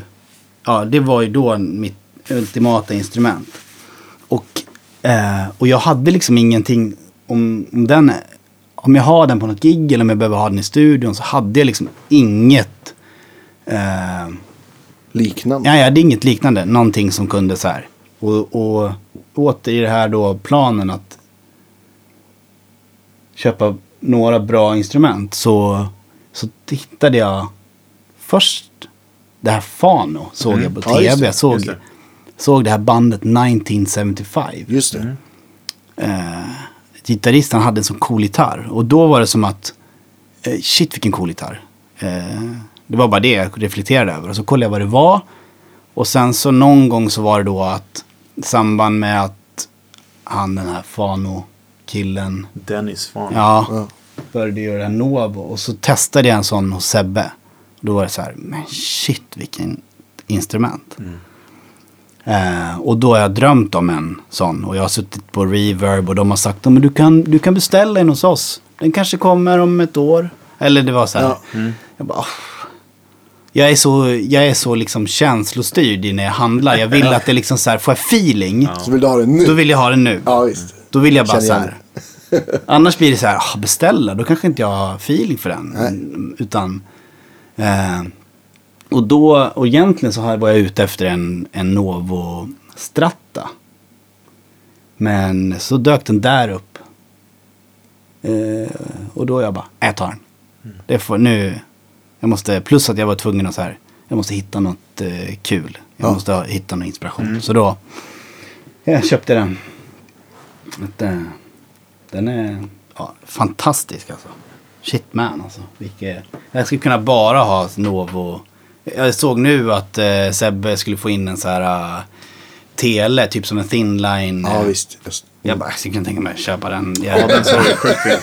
Men den sitter det master i svaj på va? Eh, Ja, det står ett M där. Ja, det är men- det. Precis. Jag ser det För här. det har du inte på uh, Fendern, det är en original. Ja, eh, exakt. Jag har inte riktigt... Det där är en ny grej för mig. Jag har inte vetat om det där. Men det är ju geni. Ja. Mas- Master i svajet är, alltså, det är eh, nästan bättre än SpaceX att de kan landa rymdraketer. Ja. Det är väldigt dyrt, men och, alltså, om, du, om du är väldigt nöjd med den där Fender redan nu så kommer den Tack. bli hundra gånger bättre om du får på ett Master på den. Verk, Ja. Det är... Ja. Tips. Ja, Från dagens, coachen. tips, dagens ja, tips. Alltså, eh, det är ju... Det är ju eh, jag har ju tänkt på det där. Jag, gjorde något ryck. Jag är liksom för dålig. Jag är för dålig på gitarr, eh, liksom mekanik och, och så här. Stämma kan jag. Men det är typ det. Ja. Ehm, och, och det skulle vara så skönt. Någon gång har jag tänkt så här. Ja men tänk om man kunde så här. Jag tog, gjorde ett ryck och åkte till, eh, tog typ så här 20 gitarrer och åkte till eh, Adlib. Och bara, Fixa. ja fixa. Men det blev ett sånt mega, mega projekt. Så jag, bara, jag har många gånger tänkt så här, men tänk om man kan så här, någon bra backline, man kan så här, hyra in, kom hit, buda hit dina prylar, ställ dig och mecka, ta några gitarrer i taget. För det blir också så här, Får snacka med Danne, han kan Ja, verkligen. Det är sånt han gör. Det är det Danne gör. alltså ambulerande. Nej, men det kan han säkert göra. Bra tips. Ja. För det skulle ju vara så här, som man håller efter dem. För jag, det har alltid varit en grej som jag alltid det, blivit... han, gör ju, han, han har gjort mycket gitarrer åt, liksom, ja, åt Parkstudion. Och då Mm, åker han dit och hämtar. Ah. Och åker tillbaka. Så jag vet att han Ja, har skruvat det. på plats också. För att han har, Lite behöver ha, på vem som behöver där, ja liksom. just det. Ja. För att han behöver Jo. ha sina tools kanske och sånt. Ja. Men det kan också vara så att, att, eh, att han kan så här titta och så vet han vad han ska ha. Mm. Eller om du säger vad som behöver fixas vet han vad han tar med. Liksom. Ja men exakt, för då kan man få sådana där bara, ja men du har du testat det här? Jag Bara, Nej. Mm. Hade ingen aning. Nej, men också jobba med det man har för att precis som du säger att man behöver ju inspiration. Ja. Och det är ju verkligen så när man tar sig tid och plekar eller vad Ja, man nu gör. visst. Får man tillbaka. Och då är det ju, det blir nästan som ett nytt instrument. Ja. Fast man känner fortfarande igen den liksom. Det, det, jag, är ju- jag är så lättlurad för att det är så här, det är därför det blir så här, jag går till någon affär och testar en bra justerad och så bara, jag vill köpa den. Och så visar det sig att, men jag har ju faktiskt ett instrumentmässigt minst lika bra. Den behöver bara lite kärlek. Men så här, ja. Men, man- men det är kul att du kan gå till affärer. Jag, jag har ju vart, vart det går. Men det är ju många andra affärer där ute. Som, många finns ju inte kvar nu tyvärr. Ja. Där de borde ha lagt den tiden på att Justera Sätta på ett par schyssta strängar, justera Ja. lite. Ja. Jag vet eh, Ola Lenert om ni vet. vem. Ja. Han hade ju en sån musikaffär på Drottninggatan. Och även om gitarren kostade 1500 spänn så nog fasken såg han till att den var justerad. Det var ju fantastiska instrument. Man bara, Ja. 1500 spänn, man fattar Ja. inte liksom. Jag tar den. Ja. Ja. Så kudos till dig Ola om du lyssnar. Ja. Ja, men det är ju ett bra, bra tips. För när man, speciellt när man har lite så här. Jag har någon gammal Silvertone som liksom har. Mm.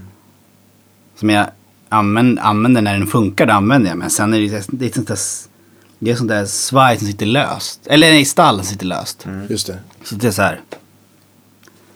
Eh, den, den funkar och sen så typ fick jag hjälp av någon, någon eh, tekniker att limma fast det där. Och sen så sprack det och skitsamma. Bara, ah, nu står den liksom. Man kan man sätta så så har man, stift i som gör att... egentligen så har man en, liksom en jätte, jättefina instrument. Ja, det verkligen. Det, det kan vi säga sak- vi som sitter här. Jag tror att hela, hela pickup-industrin, utbyta mickar på gitarrer, är ju, eller inte bara, men till stor del för att folk inte vet hur de ska skruva mickarna, till exempel på en Strat. Nej. Eller ska, ska, men så, nej, det, det låter för tunt och, och om stallmicken och halsmicken är för basig. bara, Men hur, hur långt ifrån strängarna sitter. Ja, Så det, nej. ja. Nej, Även men jag, det. är kul att du säger det. Vi har, har gått och lekt med tanken mycket på sista tiden också att ha det här. Hela riggen. Alltså den Ja. finns det jättebra ställen att gå på och fixa förstärkaren. Jättebra att gå och fixa gitarren. Ja. Och jättebra bra att gå och fixa pedalbordet. Men alltihopa ska ju Ja. lira också sen. Ja. Ja. Det är en tjänst och ja, lite sådär på plats kanske också. Mm, Ja, men exakt. Att komma liksom med... Ibland kan det vara att man behöver byta en patchkabel. Ibland behöver man en ny strömförsörjning. Ibland behöver du sätta lite blyerts på, på nutten. Och så är det klart. Så det är klart. Ja, ja, ja, visst. Ja, så det, det är kul. Ja. Och har man koll så. Men jag, jag är... Man har, man, nej, jag är för dålig. Men du gör ju annat som du är bra Ja, på. men precis. Och det är Ja, det men- du ska fokusera på. Så är det ju. Ja, ja, absolut. Visst är det så. Det, och, och, Ja, och då har man ju ingen tid att lära sig och Nej. mecka gitarrer heller. Nej. Nej. Så, jag- en, en, apropå inspiration. Mm. Vad var senast du köpte en pedal som du smällde av på? Vad var det? Alltså det är de här Fairfield. Ja. Alltså, Och vad, vad, vad gör... Vad gör för, jag trodde att det var lite sådär preamp-stilen. Alltså. Nej men alltså både den, det är lite som den, de, det är lite samma värld som den Strymon Deckon. Ja, okej. Så lite Alltså delay, tape. e- Ja, eko. att det är lite tape-svaj. Ah, okej. ah, eh, det, det, liksom double tracker eh. Mm. Vilket att, alltså, nu är ju den, den dekopedalen i stereo, det är väl, det är kanske de andra också, jag vet inte. Men eh, jag har kört dem i mono. Men det här liksom svajiga, Mm. liksom som en modulationskänsla men inte att det liksom blir en så tydlig så här tydlig Nej, modulationseffekt. utan det är bara någonting som liksom gör att det är så här, ja, lite grann. Och de där grejerna får du inte till i helixen, känner du? Nej, det får jag inte. Alltså, den är ju... Överlag så tycker jag att... Nu kanske den lite bättre, men just Axe-effekten till exempel upplever jag som i grunden, nu finns det ju alla pedaler och alla effekter, Ja. men i grunden, så, så, både från tillverkare och till liksom alla som gör reklam från alla, det är så otroligt hårdrocksfokuserat. eller hur? Alltså det är bara så här, kolla vilket mesa-ljud jag har. Man Ja, bara, men ja, exakt. fast... Ja. Men det är inte det jag använder. men, men det är exakt. jättebra. Men det är, det är väldigt mycket liksom att det är de som är, som är målgruppen på något sätt i... ehm, Ja, det, ja, precis. Det har inte jag heller förstått. Varför de har liksom... För den, de gör alla de här produkterna, XFX och Helix och ja, Kemper såklart. Gör ju liksom alla andra ljud också bra. ja, Fast det är, det är väl in- egentligen inte jättekonstigt för de, det teamet är ju gamla hårdrockare och han Mark där är ju väldigt hårdrocksfokuserad. Ah, okej. Och det är väl likadant med alla de här pedalerna. Det är ju, man köper ju någons vision av ett ljud. Jo, men så är det Och ju. även om det är Bra digitalt spaning. så är det ju Ja. ändå deras vision och, och snö, gillar de diesel och mesa bugger. Det är klart att det kommer Ja, bli åt det hållet. visst. Så är det Ja, ju liksom. absolut. Jo, men visst. Det- Så är det. Och då har de sökt sådana människor för att dema och, och Ja, så vidare också. men jag tror att de skulle kunna... Alltså, men sen kanske de tänker att det kanske är så att det har funnits längre i liksom hela, hela ända sedan liksom Rockman. Precis. Alltså att det har funnits en acceptans för det. Jag vet inte. I, Och i ett den sound som världen. jag tror Eh, folk letar Ett sound och, exakt. Och hela... Men, men, eh, men det, det, här, är- det här är ett bra... mm, Det här är en bra grej, känner jag. Nej men, alltså egentligen, det, det, som, det som man ska inte nog kan poängtera, tycker jag, med, med eh, de här digitala lösningarna Ja. kontra en förstärkare. Det är att verkligen bara once and for all fatta att det är två olika saker. Att man Eller inte hur? ska De ska inte byta de, ut de, ska varandra. inte, de ska inte ta ut varandra. Nej, Även fast de, varandra. det, det är liksom, det är som att eh, studiovärlden är ju, var ju där gitarrvärlden är för 15 år sedan. Mm. När det började komma in the box eh, mixare. Ja, alltså när de kom, fanns, finns en snubbe som heter Serban Jena som är liksom mixar, han mixade så här Neptunes. Han gjorde det tidigt, han var så här in the box och alla var så här wow, han mixar in the box liksom. Ja, men det vet, in the box, det blir aldrig riktigt lika bra. Alltså så här, du ska, alltså så här, och, så, och den diskussionen pågick. Och när det kom så här, ja men nu har de gjort en Fairchild-plugg och, och, och, och liksom, ja men du vet the real thing är alltid real thing. Absolut, det kommer alltid vara det. Men du har liksom nu, till exempel, nu är det accepterat. Det finns ingen som, som, som eh, ifrågasätter det. Eller så här, nej. Nej. För att det är så otroligt, alltså 90 procent Såg du den där, är ju in the box nu Precis, skulle jag Den säga. här unga snubben, jag kommer, nu tappar jag bort namnet på honom, men han gör ju all sin musik på en iPhone. Ja, Låter helt fantastiskt. Ja. Och jag tänkte på det när du började prata om det här med njuren, d- eh, alltså podden. Heter det va? Ja. Den heter. Ja, ja, precis. Tappa Ja. tråden. Eh, nej men att alltså, det, är ju, det är ju dina penslar. Du skapar ju med de penslarna. Mm. Ja. Det är liksom, Mm. det kan aldrig bli fel. nej. För att det är dina penslar. Och, och det, så att hela den där diskussionen är alltid larv. Man ska ju använda det man kan måla bäst med. Ja, Nej men det är alltså, den där kopplar jag in gitarren rakt in i, i en kombo och Mm. använder det i ett sammanhang där jag tycker att den är bäst. Men då är den bäst. Ja. Men, men där en, till exempel Helixen är bäst. Jag skulle inte ha en chans med en, en, eh, en för, eller jo det skulle jag ha. Men alltså jag skulle behöva ha en kylskåpsrigg från 80-talet och sitta och programmera i veckor för att liksom kunna göra dem. Så det är liksom, det, jag, jag tycker verkligen att så här, det är, för mig är det så här helt olika. När jag sitter här i studion och så bara drar jag på stärken och kopplar in pedalerna. Det är ju, det, är ju ja, jätteskönt och det, jag, jag får en direkthet. Jag behöver inte göra någonting, jag skruvar, kan spela. Den kommer, Helixen kommer aldrig på det sättet, alltså på samma sätt. Det är liksom helt bara separerat. Men sen är det väl också så här att eh, med din kunskap som du berättar om och du har liknande pro, produktions, pro, producentgrejen där.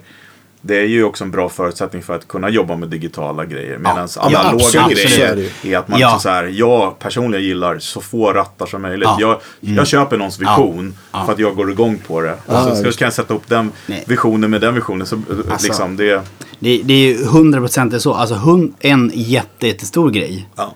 är att jag är van att höra Gitarr. min, min gitarr ur hög, mina studiohögtalare. Ja. Eller i in-ear. Eller in-ear. Ja. Alltså vilket, vilket mycket kan jämföra. In-ear och, och liksom så. Det, det blir liksom en...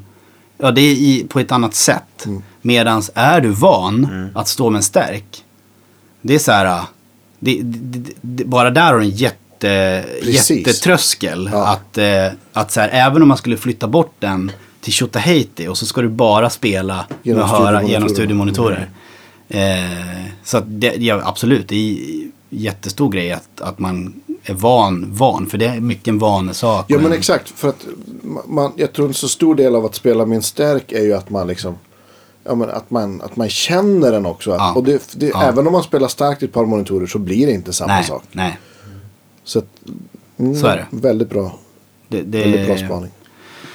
Det är, en, det, är en, det, är en, det är en, verkligen så. Och... Eh, eh, nej, nu vet jag inte vad jag ska säga. Vi, vi var inne på, på, på den här Ja. Avicii-hyllningskonserten. Ja.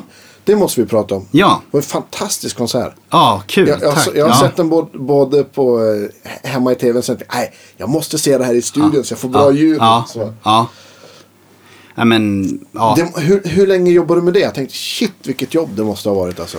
Ja, det var ett helt... Eh, det var bland det köttigaste jag gjort. Ja, det förstår jag verkligen. Ehm, och jag jobbade med den från att jag fick frågan av Claes Berling, eh, Tim Aviciis pappa.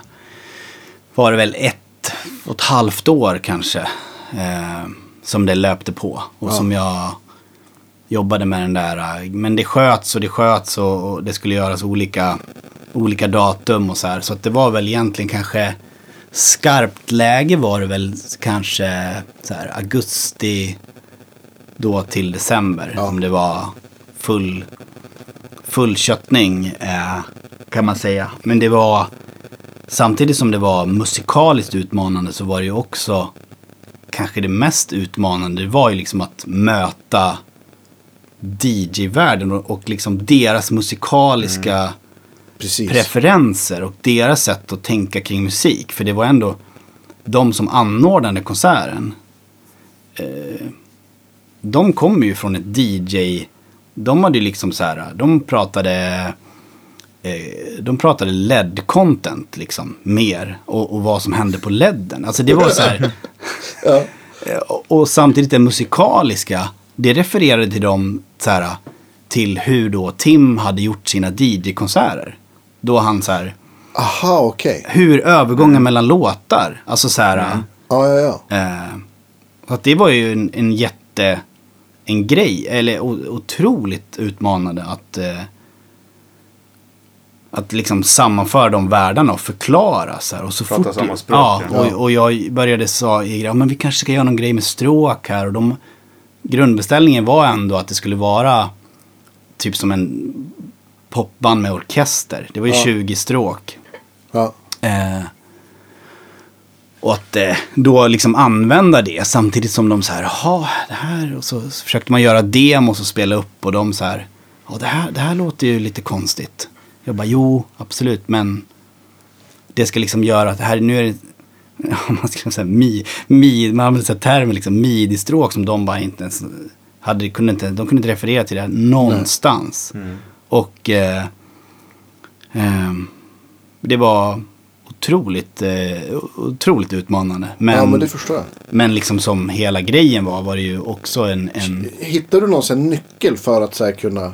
Eller låste du upp det efter, liksom, under tiden? Hur, hur ni skulle liksom kommunicera? Alltså rent musikaliskt. Alltså... Äh, ja, det, var, det var väl så här, vissa, vissa grejer var så här också. Jag, jag, vi, vi spelade... Det är också så här en grej som man, som jag samlar på mig erfarenhet från till exempel och Så Mycket Bättre. Alltså vi har ju från första säsongen alltid så här äh, använt så här, Anders som spelar trummor, han har liksom i sitt vanliga trumset så har han ju alltid ett helt digitalt trumset Mm. Inbyggt. Så han har, han kan liksom spela, han kan spela ett, ett helt trumkomp utan att nudda de akustiska trummorna. Ja. Så det kan ibland låta jättefånigt när vi står och spelar med in-ear. Så hör man bara. Det låter ju typ, så det låter ing, det är ingenting, allting är liksom linat. Ja. Det finns inget ljud i någonting, keyboards. Så att det är någonting som har, har verkligen gjort att man känner så här, ja men vi, vad man kan göra med, med, med liksom en sån grej som en så här Avicii-grej och vad man inte kan göra. Till exempel, eh, vi hade så här, eh, det är mycket, i- om man ska liksom jämföra de två så här, det, som det är till exempel Så mycket bättre. Vi använder oss av eh, backtracks där det känns helt meningslöst att ge sig på att försöka spela det. Ja. Till exempel eh, så här, arpeggiosyntar, eh, sidechain-saker. Alltså det finns så här, och- ja, ja swooshar, swishar. Men ändå saker som på något sätt tillför någon så här lyx. Liksom. Mm. Men det är också någon så gräns. Vad ska man göra? Ska man, ska man anstränga sig för att klippa ut den här uh, swooshen och lägga på en pad? Och så ska du liksom ge någons... Mm. Jag tänk, framförallt tänker jag på så keyboardister. Och så ska man liksom offra en arm till att bara liksom sitta och... Trigga igång. Eller ska han få lira? Mm. Liksom, eller om jag, ska, Ja, inte jag ska exakt. förklara. Ja, ja, men uh, ska han få lira då det här pianot som det är. Så får han ha, liksom, ha någonting han kan säga, Ja. här kan jag göra fullt ut. Inte bara vara en sampler. Inte bara så här, för det är ju annars varit en så här bläckfisk-keyboardister som bara sitter och trycker och liksom. Eh, så det är otroligt mycket erfarenhet från det som man kunde ta med sig in i det här. Och det var verkligen, jag, jag skulle säga att jag vet inte om jag hade någon nyckel, utan det var till att vi kom och typ började repa och gjorde Ja. repinspelningar. Då blev Då det som de, att, ja. då blev det som att de, det här, vad kunde man göra här? Det trodde inte jag. Ja, Alltså, Samtidigt så var det så här, vissa, vissa då låtar som de bara, "Och den här låten måste vara med. Jag bara, ja men den här låten är bara liksom klossar i en, Prodd, i, en, liksom. i en s- prodd. Det, det är 100% klossar i en prodd. Ska vi spela det här, det kommer bara bli sämre. Alltså det, det, det finns ingenting som kan så här, för det är så här, Velocity 127 på pianot, det är liksom superkvantiserat, basen är liksom, det ska bara vara så här. Och, och det kommer inte låta, nu gör jag, jag gör händerna som att jag gör, försöker illustrera en, en rysk docka eller någonting. Robot. Nej men, eh, så att det, det blev som en, det var, det var som en, det var skönt när det drog igång med repen för då kunde de så här, eh, dels få höra lite grann och dels eh, var det för sent för att ändra. så, så att det var, så att det Gilla var liksom. Nu, ja, nu men, har vi faktiskt stråkar på det här så att vi kan inte... Nej, men det, och, och, och det var liksom många, det var många så här, de tyckte att det blev så här, nej, de, de, jag kunde liksom, man själv hade man i huvudet så man kunde se det, helheten, man kunde se det hur det skulle bli med stråkar och scenen och ljuset och så här, Ja. men det, det kunde, det, det kunde inte de på det sättet, och, vilket är förståeligt, men, men, eh, Ja, men det är klart, om man kommer från en värld och, och kanske inte ens spelar ett instrument Nej. eller har aldrig spelat i ett band eller så kan jag Nej. förstå att det blir ganska abstrakt. Ja. Men, men det var ju bra. Jag hade ju liksom, dels var ju då Carl Falk med i bandet. Ja. Eh, som är liksom superduktig. Och han fattade hela den processen. Plus att jag hade eh, Salem Al Fakir och Vincent Pontare. Ja, som Har också bara skrivit mycket. som har skrivit mycket. Och också liksom, för jag var ju så här, det är också så här, jag var helt ny i hela den världen. Och det var liksom en, många var otroligt känslomässigt eh, liksom engagerade i Ja. hela situationen. Och kände Tim och hade liksom, så att det är också så känsligt att komma och bara, ah, och komma och tycka massa saker. Ja. För det är så här, men så hade inte Tim gjort. Fast troligtvis så skulle inte det där ha blivit så bra om inte just du hade den. Nej, relationen. men det, nej, nej, precis. Precis, att det kommer någon med ja. nya ögon Ja. liksom. Och Kanske Ja, hade haft för mycket respekt och, och tummat för mycket på vad du egentligen ville åstadkomma. Ja, kanske. Så det, men det, det var en, en, en extrem balansgång där. Man fick eh, kötta på men ändå trippa lite och bara... Ja. Ja, Men- schysst. Ska det släppas? Alltså de har snackat där, det har varit mycket planer och, och det blev ju liksom bra och uh, väldigt liksom på plats där var ju så här magisk stämning på något ja. sätt. Så det är klart att det liksom kommer en massa så här idéer och planer kring det så. Så att samtidigt så landar det lite grann och efter det och jag, jag- jag vet inte. Det finns Nej. ingen så här, vi, vi, vi började lite grann och, och eh, eh, mixade lite grann efteråt. Eh, för att eh, kunna eh, eventuellt kunna liksom göra vissa släpp och så om de ville det. Men, men det har lite grann så här stannat av. Ja. Eh, Men finns den fortfarande på SVT Play eller? Konsol? nej, Nej. på YouTube tror jag att eh, den finns. Ja, just det. Eh, och det finns klipp från YouTube. Och, och, men det var ju så här, alltså. Apropå, när man hade liksom krigat med alla de här grejerna. Och så när man glider in så här i replokalen. Och så står vi där och repar allihopa. Så bara eh, glider upp en snubbe i öppningen liksom till. Vi var ju en stor sån här, eh, liksom en fotostudio liksom. Alltså så här. Med, med, med full teknik och det var liksom belamrat överallt så här. Kommer in, ställer sig en snubbe i så här i öppningen till dörren, eller i stora öppningen så här och bara. Jag bara shit, känner igen honom. Det är så här. Eh, ja, det är någon gammal ljudtekniker tänkte jag. Så här, någon som är här och lämnar prylar. Som här, bara, "Va- va- vem var jag? har jobbat med honom någonstans. Så tänkte jag så här. Så, så tänkte jag så bara. Sen så bara, spelade så bara. Nej vänta nu, det är Dan Tyminski. Ja, du har för gåshud där. Så bara, det är Dan Tyminski. Och då Ah, var det så här. Shit alltså. Så, bara, så står han där och diggar liksom så här. Jag går fram till honom och bara så här, tja Mr. Tyminski. Ja, ja, ja, liksom. Han bara, yeah, it's so great to be here. Och så, och så, och så han kopplar på sina grejer och så bara, eh, ska vi soundchecka? Han bara går framåt till micken och bara, jag bara, oh my god. Alltså. Och sen när vi började liksom den, den så här kicken, musikaliska kicken. Att få så här, shit, han finns på riktigt. Ja, alltså ja, det var så här som någon sån här eh, overklig liksom jag. eh, känsla. Speciellt var det liksom på, alla var ju fantastiska med, med alla, bara den nivån av liksom vokalister som kommer och sjunger. Ja. Det var ett par stycken.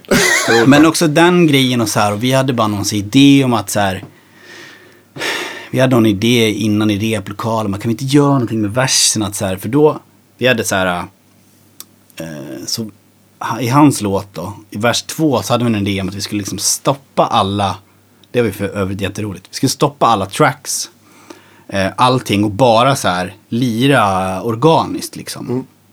Eh, det är för övrigt skräcken för alla så här DJ-människor som bara, det är liksom tidskod och det är liksom Ja, allting visst. går så här styrt. Bara, Hur gör vi då? Jag bara, jag gjorde man förr i tiden. När, Då tryckte man på på. ja det exakt, på då fick man så här, ja, det bara, då, så här. Ja. Men, eh, men, eh, och när man hade kontakt med honom och han var så här otroligt eh, ödmjuk och öppen för alla idéer och bara, yeah let's do it. Och Men han är ju musikant liksom, ja, verkligen. alltså, vilken kick alltså. Ja, det förstår jag. Häftigt. Ja. Ja, otroligt. Jag tänkte eh, sno Dannes Ja. från dig. Du Ja. gjorde den sist. Ja, ta den. Jag tänkte vi slutar på topp för det var skön, en gåshud här. Ja. Eh, den, den sista grejen du skulle sälja som är gitarrrelaterad. Du får liksom bara ha kvar en grej. Alltså. Jag tror att. Eh, jag tror att, jag skulle, att det skulle vara den akustiska Avalonen. Ja. Eh, för att jag har gjort otroligt mycket inspelningar med den. Och eh, den är liksom. Ja. Jag, jag, allt det andra skulle jag nog kunna så här. eh, Byta ut. Ja, eller liksom. Jag skulle nog liksom sådär, alltså jag jag älskat min Jazzmaster. Men nu känner jag såhär Novon, alltså. Och jag skulle kunna köpa en ny Novo, vad som helst. Att jag tror att det är, är den, alltså. Den, Härligt. eh, det, det får bli den. Ja. Ja. Men tack så jättemycket för stories, för nörderi och otroligt gott kaffe. Tack! Ja. Kul! Kul att du var med. Skitroligt. Ja, Vi eh, kanske har läge att återkomma Ja. vid ett annat Ja. tillfälle. Ja. när som helst. Tack för idag. Tack. Tack. Hörs till veckan hörni. Hej.